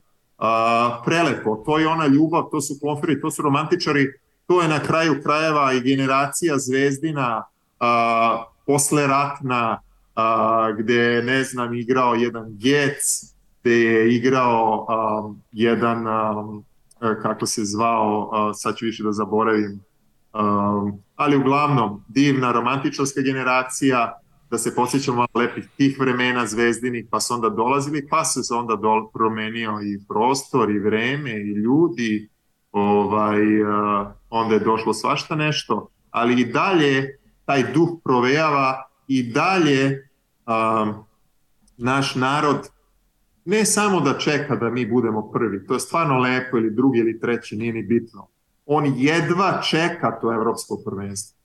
On jedva čeka, ja znam jer pričam sa ljudima ovde, sticam okolnosti, meni šalju linkove kad, kad, kad kreću ti prozori, pazi, o našoj košarci, uh, ovi prozori tako i zovu za kvalifikacije, jel tako? Uh, jedva čekaju kako će to da se uklopi. I to je prosto neverovatno, ja mislim da je košarka davala podsticaj i, i da je uh, jednostavno nosila vreme a, turobno i teško i da je davala primer, pazi, bilo i loših primjera, ali davala uglavnom lep primer zajedništva, duha i tih 90-ih koje su realno protekle kao u jednoj rupi sa nekim metama, pazi, mogli bi da pričamo tri dana, a, ili 99, a prođe jedan rat, dolazi bombardanje, ti igraš sa metama, a, govori o, o, o Srbima čoveče, o Svetom Savi, pa gde ćeš ti našu zemlju i na našu, koliko god se vi dogovorili, gde ćete na njih? Mi sa metama igramo derbi, a ljudi pevaju na mostovi. Da, da, da. Ne, ne, potpuno... Potpuno, ali vidi, strahovito je tu, potpuno si u pravu, strahovito je tu košarka pomogla i u jednom užasu bila najbolja kad je, kad je trebalo i davalo neke, davala neki podstrek tim ljudima koji zaista malo izlaza je bilo u tom periodu da ti možeš da, da, da nekako izađeš iz, iz one svakodnevice koja je bila užasna, a košarka je donala to i to ne jednom nego zaista u, u nizu desetine godina. E, smo odgovorili na pitanje? Lala kaže Radmanović. Ma kakav Radmanović? Idemo dalje. Mili hmm. Gnjatović napisao Danilović. Danilović. Dalje. Marko Topalović, Peđa Stojković. Peđa Stojković. Teškog srca, ali dalje. Insta Flash kaže Ginobili. Tako je. Eto ga. Eto, Insta, Insta Flash. Flash, tako je. Dobro. A gde si krenuo, gde si ubacio prvi koš sa futbola i šta te je privuklo ka košarci? A, pričao sam ja to u Americi. U Americi? Da. Kako? Ne znaš ti to? Ček, sad ću ti ispričati. pa ja sam otišao kod sestre 87. u Ameriku i otkrio basket. U portorikanskom Harlemu, u hali, gde je gde smo ušli nas dvojica kao jedini belci od svih ostalih prisutnih i dobili loptu da igramo. I mm, basket se igrao jedan, svako proti svakoga, Draško je dobio loptu, dobio basket, ja sam dobio batine, ubacio nekoliko puta, vratio se na Karabur, mu montirao koš i to je to. E, ima jedan lep intervju koji sam dao, ovaj, postoću ti link ako nisi video na 011, BG 011, divni momci koji su napravili e, intervju o mom detinstvu i izjavio sam da mi je to, da je nešto sam od uvek priželjkivao i uspeo sam da dam takav intervju, pa ću ti poslati link čim pre da vidiš kako je to izgledalo, da, da ne ponavljamo pred gledalcima nešto što možda znaju. Ako ne zna, ima da odgovara. Kako ti je sestra?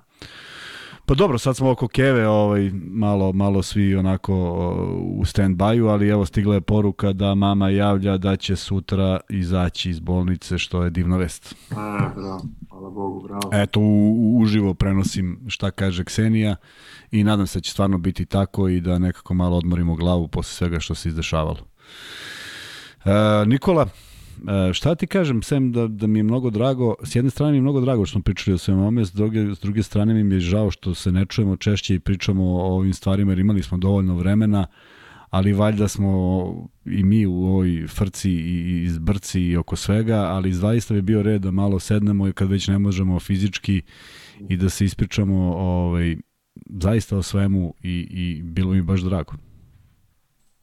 Meni takođe, da, meni takođe i ovaj, um, uh, upravo to, znaš, uh, kratko smo na ovoj zemlji da bi imali ovaj, te vrste komoditet da se ne čujemo. Uh, ne moramo ni da se gledamo i razminimo i poruku, ali nije to to, znaš, nije to to ovako upravo kad sednemo uh, da, da možemo da se čujemo, da se, da se ovaj, uh, da se pozdravimo, da, da kažemo, da promenimo koju, jer prođe dosta vremena ovaj, da uradimo to, a uopšte nije teško. Evo, znaš, tako da. Zaista nije teško i zaista je divno što si odvojio ovo vreme i nije malo vremena ovaj, s obzirom da znam da, da, da je puna kuća i da ima mnogo obaveza. Ja se zahvaljujem tebi što si, što si se odazvao našem pozivu, žao mi je što smo morali dva puta da odložimo, ali danas sam najavio ovaj podcast kao treća sreća. O, zaista divne reakcije, bilo je puno pitanja, ali toliko si otišao u jednom, jednom lepom smeru da su ova pitanja zaista vezana za neke stvari uspeha i neuspeha košarkaških, ti si to podigao na jednu višu dimenziju i onda je nekako malo mi je besmisleno da pitam, ali e, mnogo mi je drago što si doneo nešto potpuno različito u ovaj podcast. E, nama daje e, s druge strane jedan motiv više da, da, da tražimo ovakve priče i da e, lepo si rekao da pričamo o tome i ja mislim da da a, naši gledaoci kojih ima sve više uživaju u ovim razgovorima makar delom kao što ja uživam, jer ne mora sve da se svodi na neke egzaktne stvari, ne mora sve da se svodi na samu košarku, već na život uopšte, a negde kroz ovaj podcast pokušavamo da sa svim našim gostima pričamo sa što više aspekata. Jeste, želim vam da, želim vam da trajete, želim vam da, a, da pomažete, da to ne zaboravite i voleo bih kada bi, dobro, mislim, čućemo se ovako, nećemo da uopšte pričamo javno, kada bi svako ko gostuje, ko koliko može, a, odvojio na onaj, vi ste već to pričali, one, ne znam, dole ruke, pisamca, ne znam kako to već ide, ne znamo ni mi. da stavi nešto, neku, neku simboličnu, simboličnu vrednost, da to ode u prave ruke, tu nemojte nikada da zaboravite da tim momcima i devojkama kojima je to najpotrebnije pomognete. I ajde da se ne zahvaljujem više ni drugima, ja bi pozdravio svoju divnu zemlju i svoj divan grad i svoj divan narod, i jednu rečenicu bi poručio upravo na ovim izazovnim vremenima, to je naše divnog vladit, vladike Svetog Nikolaja da se Srbi slože, umnože i obože. Volite a, tvoj mlađi brat, Vanja nikad se nismo upoznali, sad ovako se upoznajemo, a, tako da hvala i tebi što pomažeš, nije lako slušati neke ljude i koje ne poznaješ po 3-4 sata u stolici i prebacivati levo i desno, napred i nazad, pogotovo pojma, ja sam jedan od njih. A, mm, a, čujemo se, ajde da ne bi sad tu Čekaj, Vanja da ti nešto kaže, cenim da je hteo. Ba ne, ne, lagano, stvarno je bila prelepa priča, tako da nije, prošlo je sve vrlo brzo. Uopšte se ne osjeti kada ima čovjek šta pametno, iskreno da kaže, kad je uvek ono, siguran je u sebe i neki način veruje u to što priča, tako da je stvarno prošlo prelepo i hvala tebi puno još jednom što si bio. Nadam se da ćeš sledeći put uživo doći. Važi, dragi Vanja, vi ste ove nove generacije koje će biti bolje i jesu bolje od nas, tako da verujemo u vas i, i u naše konjiće. Uzmo. Nikola, hvala ti puno. Ovaj, zaista obećavam da se čujemo čim pre. Uh, gledalcima da se zahvalim što su bili, uh, što su nas ponovo pratili i primetio sam samo jedan, jedan, jedan paradoks. Uh, na primjer, danas sam objavio na Instagramu da će nam gost biti Nikola Estratijević uh, i to je videlo hiljade ljudi, a mi dalje imamo 450 pratilaca, pa u tom smislu Vanja me opomenuo pogledom da vas zamolim da e, pobedimo te algoritme i da, da napredujemo svi, da budemo što vidljiviji, da ovu priču konkretno čuje što više ljudi, nije teško, kliknete onaj palac na gore ili već kako se to obeležava i bit će nam mnogo drago, bit će nam mnogo lakše da neke stvari radimo i E, sa još većim zadovoljstvom ćemo dovoditi posebne goste, a mislim da je Nikola danas zaista ulepšao dan mnogima i verujem da će ovo biti jedan od uh, epizod, jedna od epizoda koja će se pamtiti jer je zaista drugačija od svih. I hvala vam puno na pažnji i vidimo se u četvrtak, obećao je Luka da je tu. Za free, za free betove pošaljite znate gde i vidimo se u četvrtak u 9. Uzmo, uzmo. Molim? Me čuješ? A, još si tu, izvinjamo se. Evo ga, tu je Nikola. Da, sekund. Okreni to, brate, čudno čudovište. Bar neka gleda tamo u knjigi i dresove. Svaki put hoću da ti kažem, pa nikako sa ti. O, pa to nam je sponsor. Pa dobro. Ali evo, za tebe. Gleda, ne mora da gleda deca, da ih plaši. Eto, dobro. A, ništa, čujemo se. Ajde, sve najbolje i s Bogom. Ajde. Ćao, Nikola. Ajde.